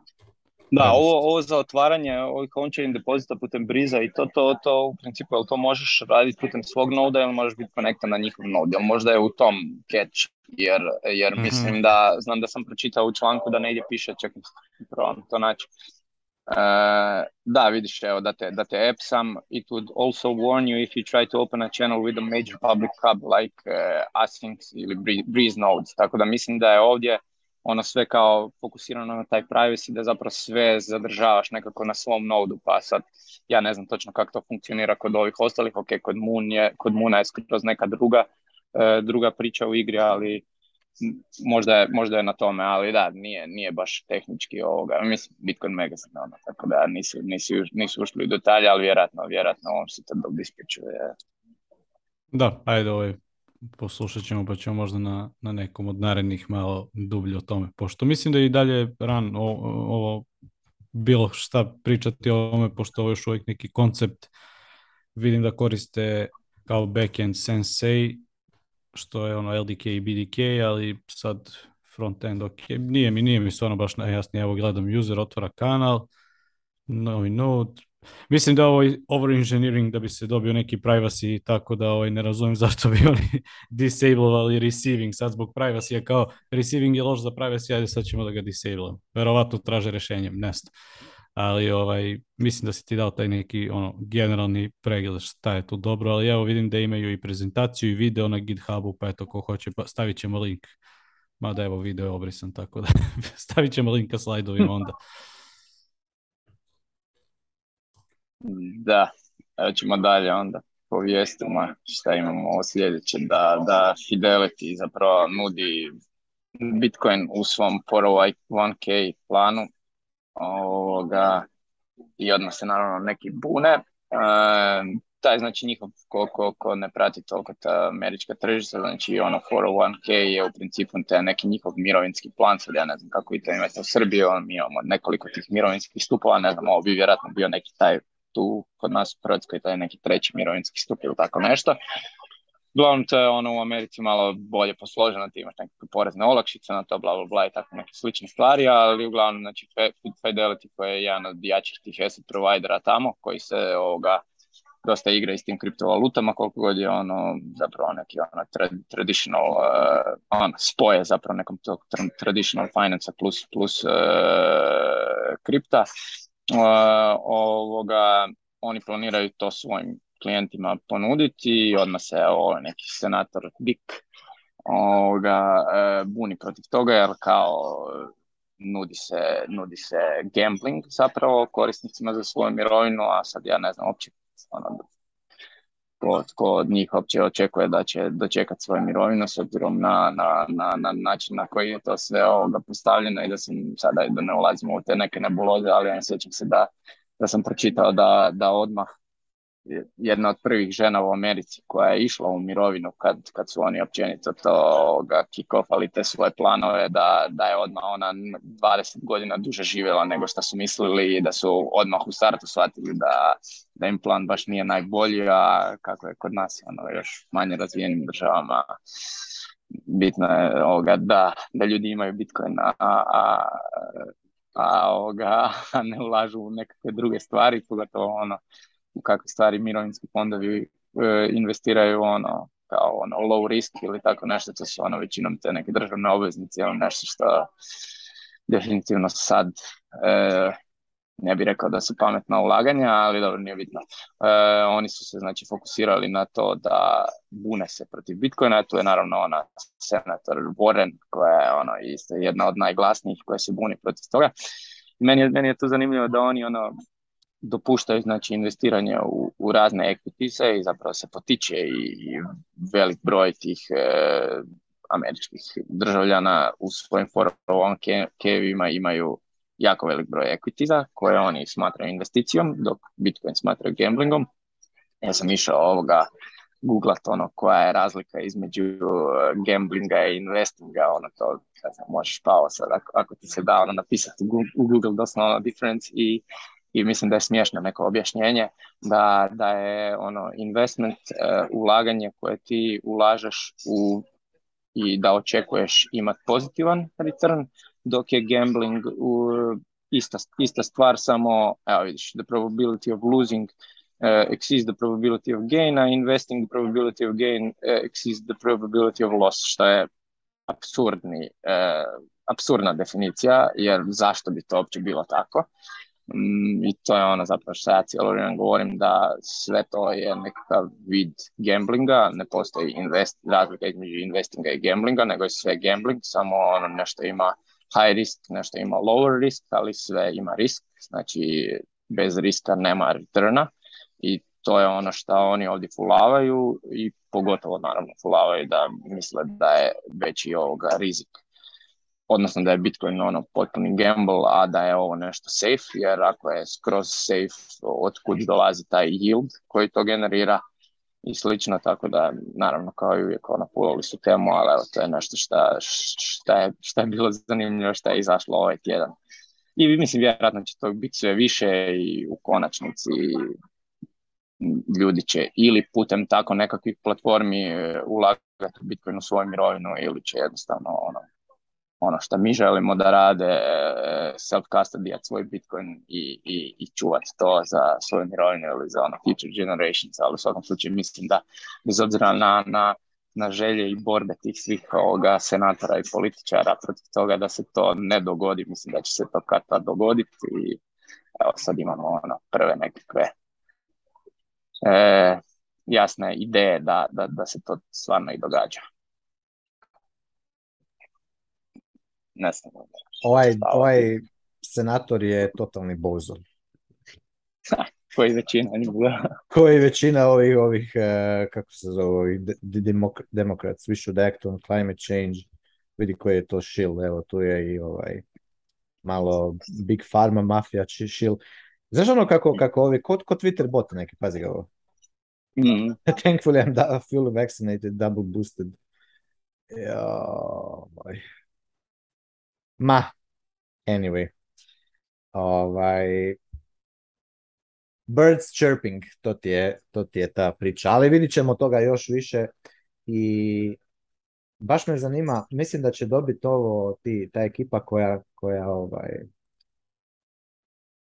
kojoj smeta Bitcoin i, i, to sve. Mislim da će dobiti sad krila eh, od strane ovih Ethereum, i meth headova kada, ovaj, kada,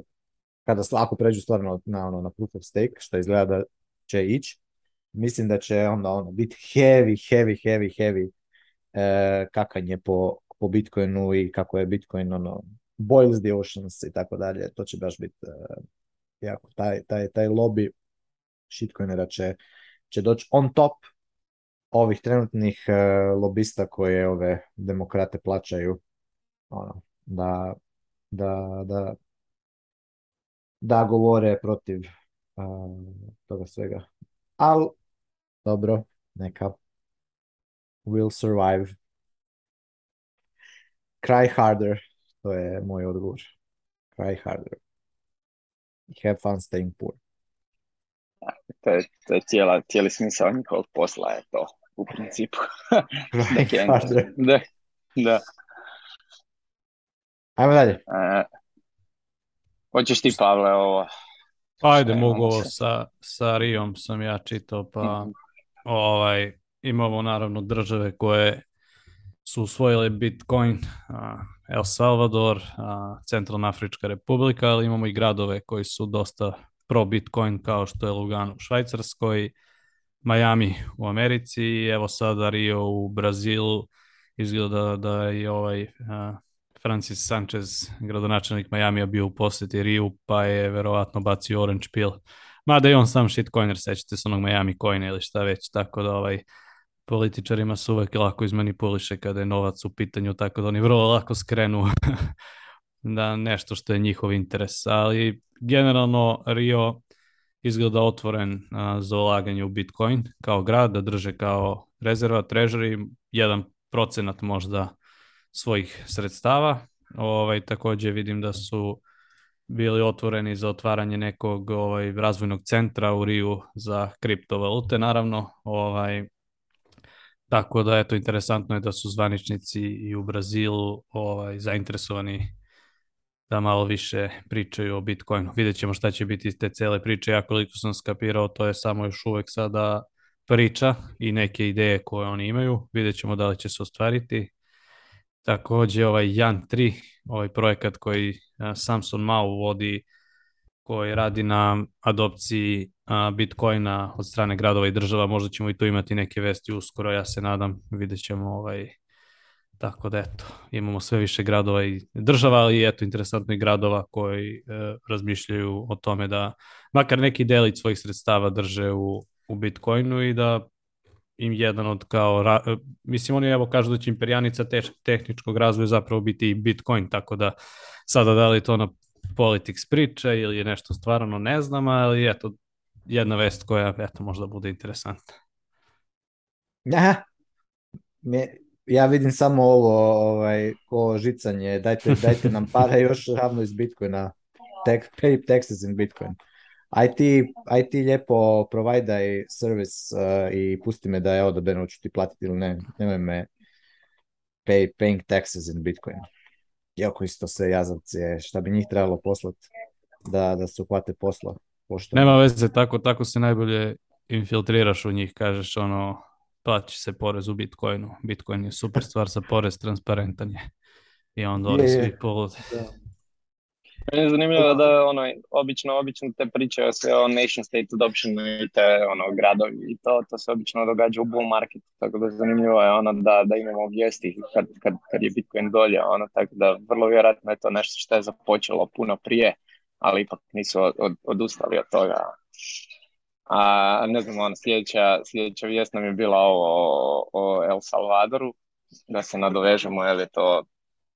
praktički ist, ista stvar. Da. Sad ja sam već par puta ono, u podcastima rekao da mislim da, da taj, nisam baš prevelik fan tog nation states adoptiona, uh, ovoga, jer, jer mislim da to nosi sa sobom nekakve ono, negativne stvari, ali, ali dobro, nije bitno sad, ono, El Salvador je bio tu neki pionir i i, i, i ajde ovaj najbukele koliko god ono je političar ili tako nešto ono imamo neke ono koji su malo bolji malo bolji od drugih ili tako nešto makar ima ono svoje ok stavove koje trenutno još, još nije promijenio ali oni su znači mm, u ovom, u ovom tredu koji, koji, koji ti sad imaš na ekranu su u principu rekli da, da su poslali u kongres te, ta nekakva dva prijedloga o tome da oni otkupe e, svoje obveznice. Te obveznice su ono, ne znam, se sjećate da je bila ona priča, ja mislim da oni nisu izdali još onaj Bitcoin bond, ali ovo, je sve vezano za tu njihovu ovoga, adopciju Bitcoina kao legal tender, gdje su IMF, e, Moody i te slične ovoga kuće koje, koje se bave tim procjenama gdje su drastično ovoga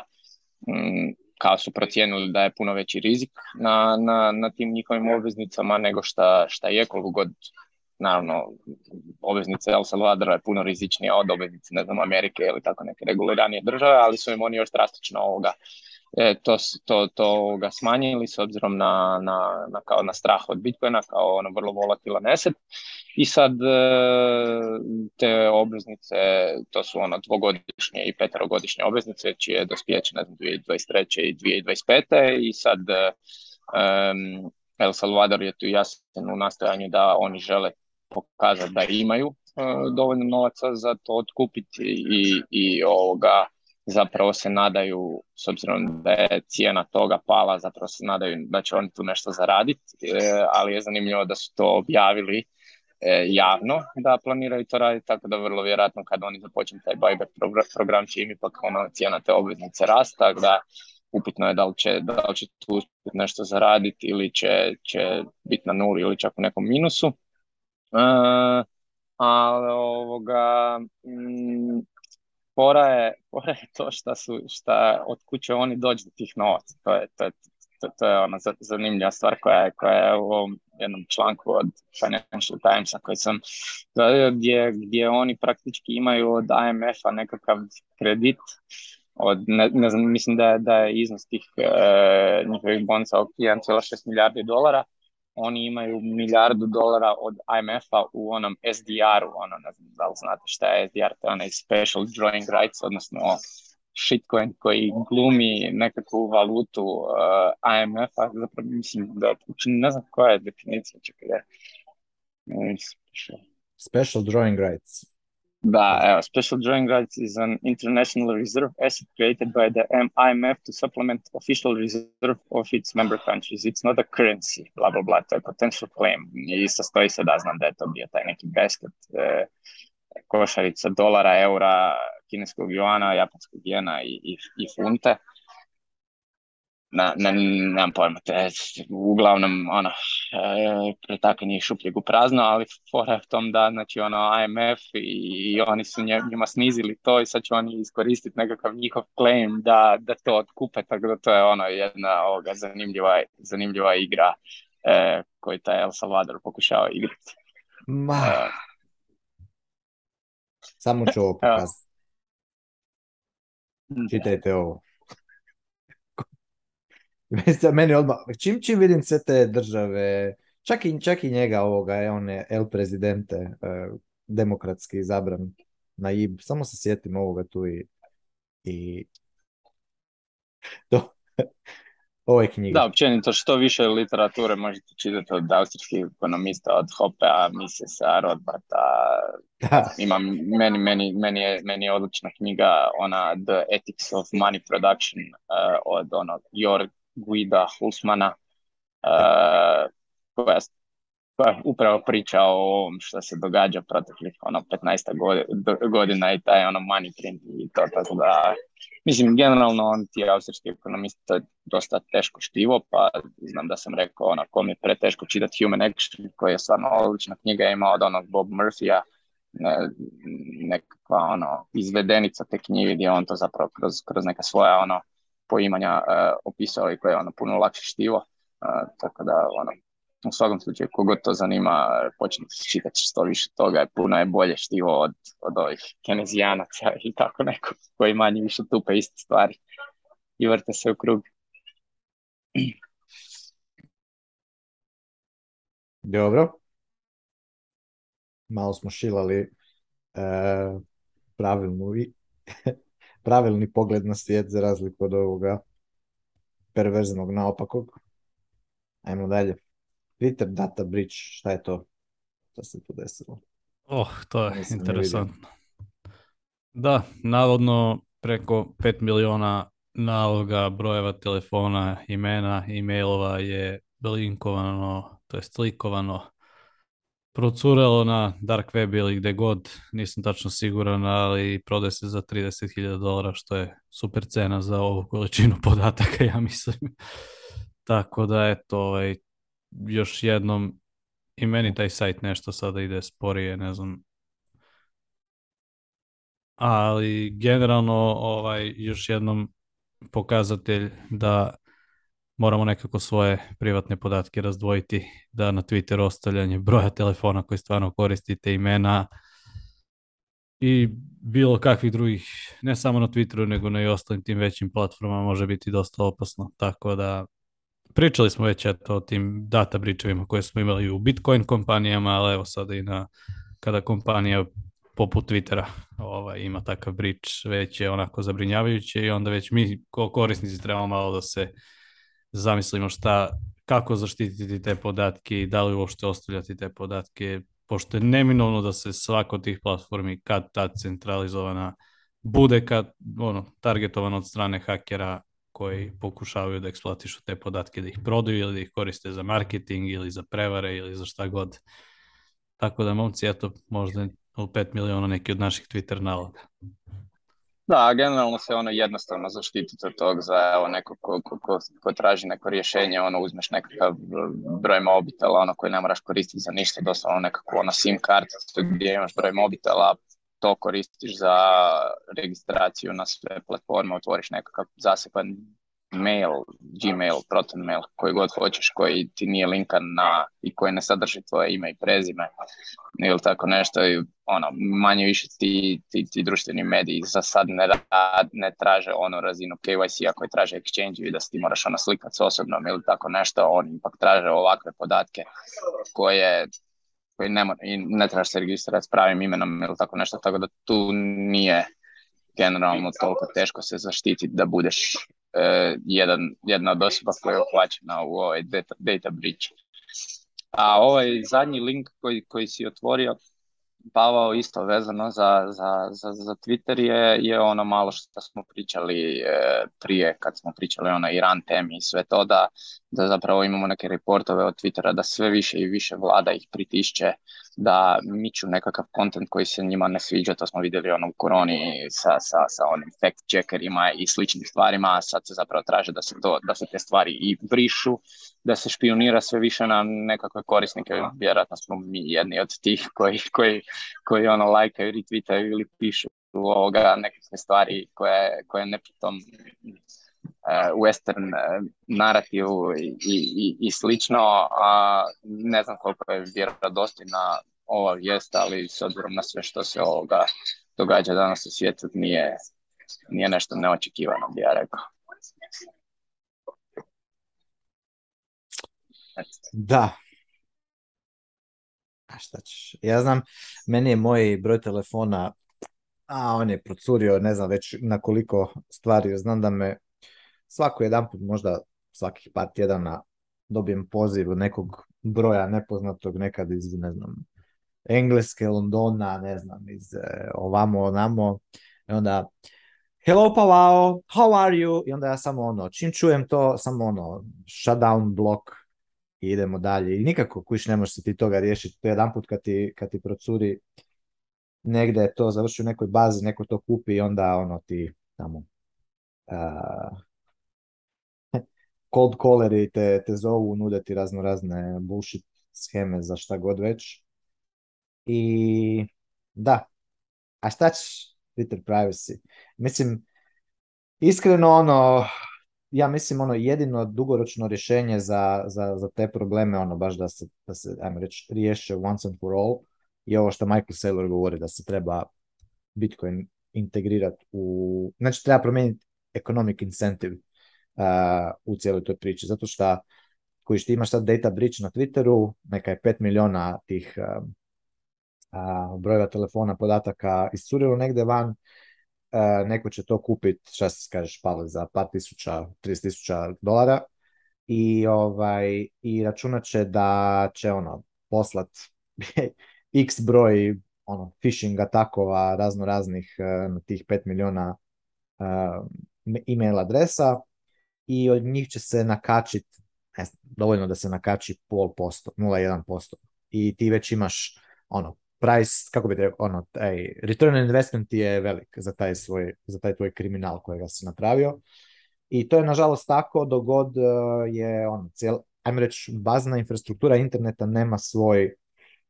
još, to jest, ne, još uvijek integriran taj native money zapravo i, energy koji bi ti to prevenirao. Jer eh, baš, baš sam slušao Michaela Saylora, rekao je da je potrošio preko milijun dolara od kada je počeo ovo pričati o Bitcoinu, samo na mitigation tih, eh, tih skemera što stave one live stream, ne znam, Michael Saylor live giveaway stream na, na youtube I onda imaš botove koji to spinaju svakih 15 minuta i kužiš i neko se nakači. Uh, je baš neki dan je rekao da je 20.000 dolara su njegov su zaskemali njegovu publiku a, kroz te impersonatore i tako dalje. I to je ono, taj cijeli filt, e, fiat filt, to je zbog fiata opet i internet je tako filti, jedino može počistiti počistit implementacija Bitcoina, realno, for, ono, for the long term, tako da se promijene economic incentive. Tako da ako ti recimo, uh, ako se pronađe da si ti ili neko, ono, taj koji perpetuira nekakav takav scam ili ono, phishing attack ili eh, data breach ili šta god već radi, da te to, da si panišan direktno po džepu, ono, da te udari po džepu, I da ti je to toliko skupo radit, naspram toga kolika ti je ono, koliko možeš izgubiti para ako to radiš. Kad se to tako postavi, e, to će se skupa nestati. I to je nešto što će se postaviti u nekakvom narednom periodu. Tako da, ono, i zašto ne bi recimo ja mogu se autentificirati na Twitteru sa svojim Bitcoin balance, ono, Lightning authentication, i općenito to, to, to je ono što to je ono što bi, bi trebalo implementirati kao rješenje. Kad će se to implementirati? Pa uskoro. Populi su, populi će se sad još Mislim da će se sad u 11. mjesecu u Americi dosta promijeniti e, ono, ovi republikanci desnica će se vratiti natrag, pa će taj woke, wokeizam past, ono, bit će gridlock u Americi do 2024. 2024. će vrlo vjerojatno nekakav opet desni, konzervativni e, prezident biti prezident i, i mislim da će onda biti dovoljno ono nekakvog momentuma da se, da se stvari ono promijeni i pročiste. Trenutno stvarno je ovaj internet i ti big tech s tim woke, i s tim i sa količinom sranja koja se događaju je baš ono peaking. Eto, to bi rekao. A da se možeš zaštiti, da, možeš se zaštiti da mijenjaš broj telefona često i da ga koristiš ono za, za registraciju. Ali, ne znam, koliko je to. E, skupo je neefektivno, ali koliko, mislim, nešto možeš poduzeti, ajmo reći ali ne puno at this point po meni. Evo, ovaj, jedna vest upravo nam je stigla, pošto sam bacio pogled na Twitter, da li imaš nešto što smo ovaj propustili ove nedelje. A, Razbi Bilic konačno ima web interfejs, ne moramo više da pristupamo preko terminala i command line da bi kontrolisali Razbi Bilic, što je super stvar. Eto, konačno bolje konkurencije Umbrelu i ostalim mm. ovaj, Node uh, tako da ja se sjećam da smo imali su neku radionicu na Hackathonu u Istanbul ove godine i baš sam bio pitao Kristofera kad će to više doći i onda je baš to bila tema radionice pa sam ovaj bio malo da ih slušam i ovaj, dobra je ta ekipa, ovaj, baš su onako za sigurnost, za privatnost i vjerojatno im je zato malo i duže vremena trebalo, zato što u timu nisu ni imali baš ovaj, neko ko je dizajner. Pa mislim da im je neko iz Bitcoin dizajna isto malo pomagao oko toga, ali nisam baš siguran. Elem, dobro je da eto sada ko koristi raz Blitz, nova verzija 1.8.0, eh, ima web interfejs, tako da mislim da će im to otvoriti vrata mnogim korisnicima kojima se možda druga rešenja malo šta kako da kažem, mislim ismučila, Umbrel pogotovo koji sve više i više širi taj fokus da su sada personal server, nisu više Bitcoin node i da li mi želimo da na našem nodu bude gomila nekih drugih rešenja, ovaj, kao što ne znam, cloud za slike ili email server ili ne znam ti ja šta sad. Pitanje je i eto ovaj eh, baš fokusiran na privacy i na, na sigurnost razbiblic konačno ima web interfejs. Pa eto, znam da su mnogi iz grupe tu ovaj, komentarisali umbreli ili kad će preći na razbiblic da je malo teži. Evo sada, eto, probajte, javite kako radi.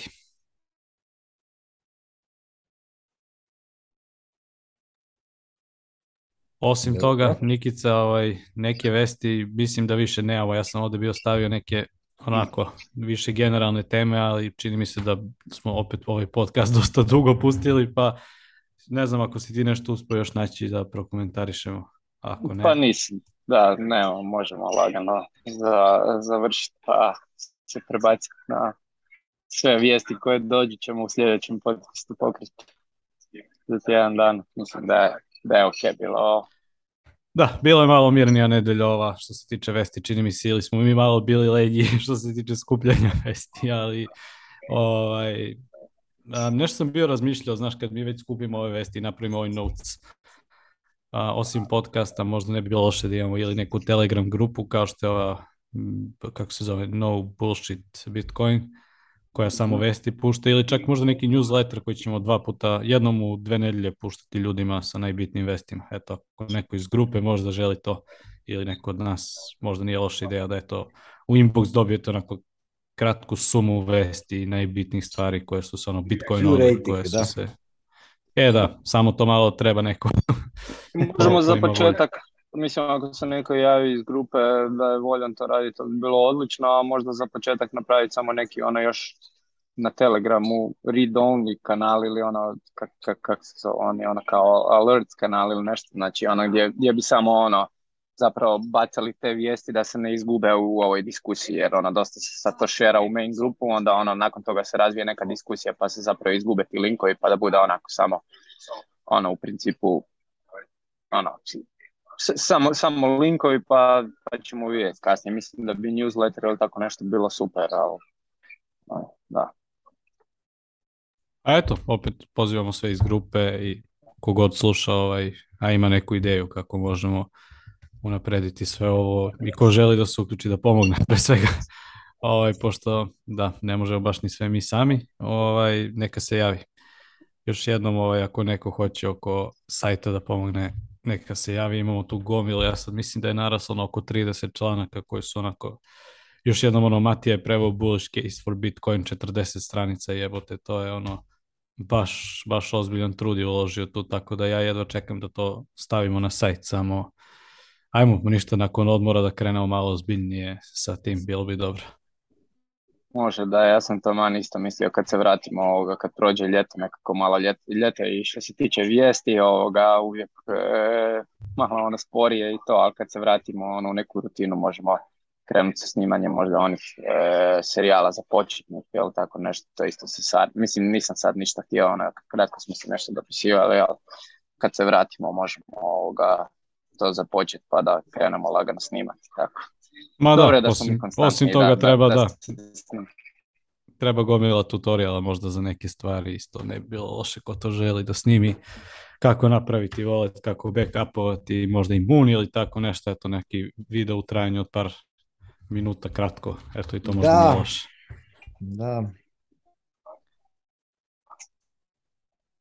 Toliko ideja, toliko malo vremena. dobro, dobro, oćemo, oćemo, pa vidiš da pa dobro se razvija ovaj 21 list, to je već to je već library, neko ko bi htio sjest malo i slušati i nešto naučiti, već ima dosta, dosta kontenta i imat će još više. Tako da sve je to dobro. Pa ja mislim da, imamo preko 20, možda 22-3 podcasta, što uopšte nije mm. loše, mislim kada smo ovo krenuli nismo ni znali treba pohvaliti i, i Matiju, Matiju ekipu koji snimaju ovaj drugi podcast, oni su isto ono redoviti, ja sam govorio da ćemo utorak mi snimiti još jedan i tako, tako da zapravo ono imamo već nekakvu konstantu od puno tjedana, 15 tjedana gdje, gdje izbacujemo ono dva, dva podcasta na, na tjednoj bazi mislim da je, da je, da je to super s obzirom na, na način na koji smo krenuli, idemo samo baciti kontent, ono, neku konstantu imamo i to pa budemo se strukturirali već s vremenom. Mislim da je bitno ono da, da taj mali broj ljudi koji nas za sad prati, ono, ipak može nešto na, na lokalnom jeziku poslušati, da ne mora visiti samo na Twitteru ili tako slušati strane podcaste. Da, ima nas 56 e, na youtube 56 na YouTube-u, ovaj, 123 na, na Telegramu i evo, kaže, ovaj, ja evo na Enkoru gledam, kaže, imamo 313 playa, u proseku 14 slušalca po epizodi, audience size 17.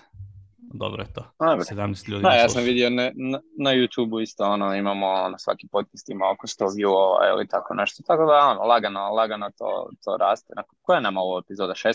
18? Ukupno ovaj kanal ima 25 videa, ako nešto znači, a nama je ovo 17, da bi 17. 17.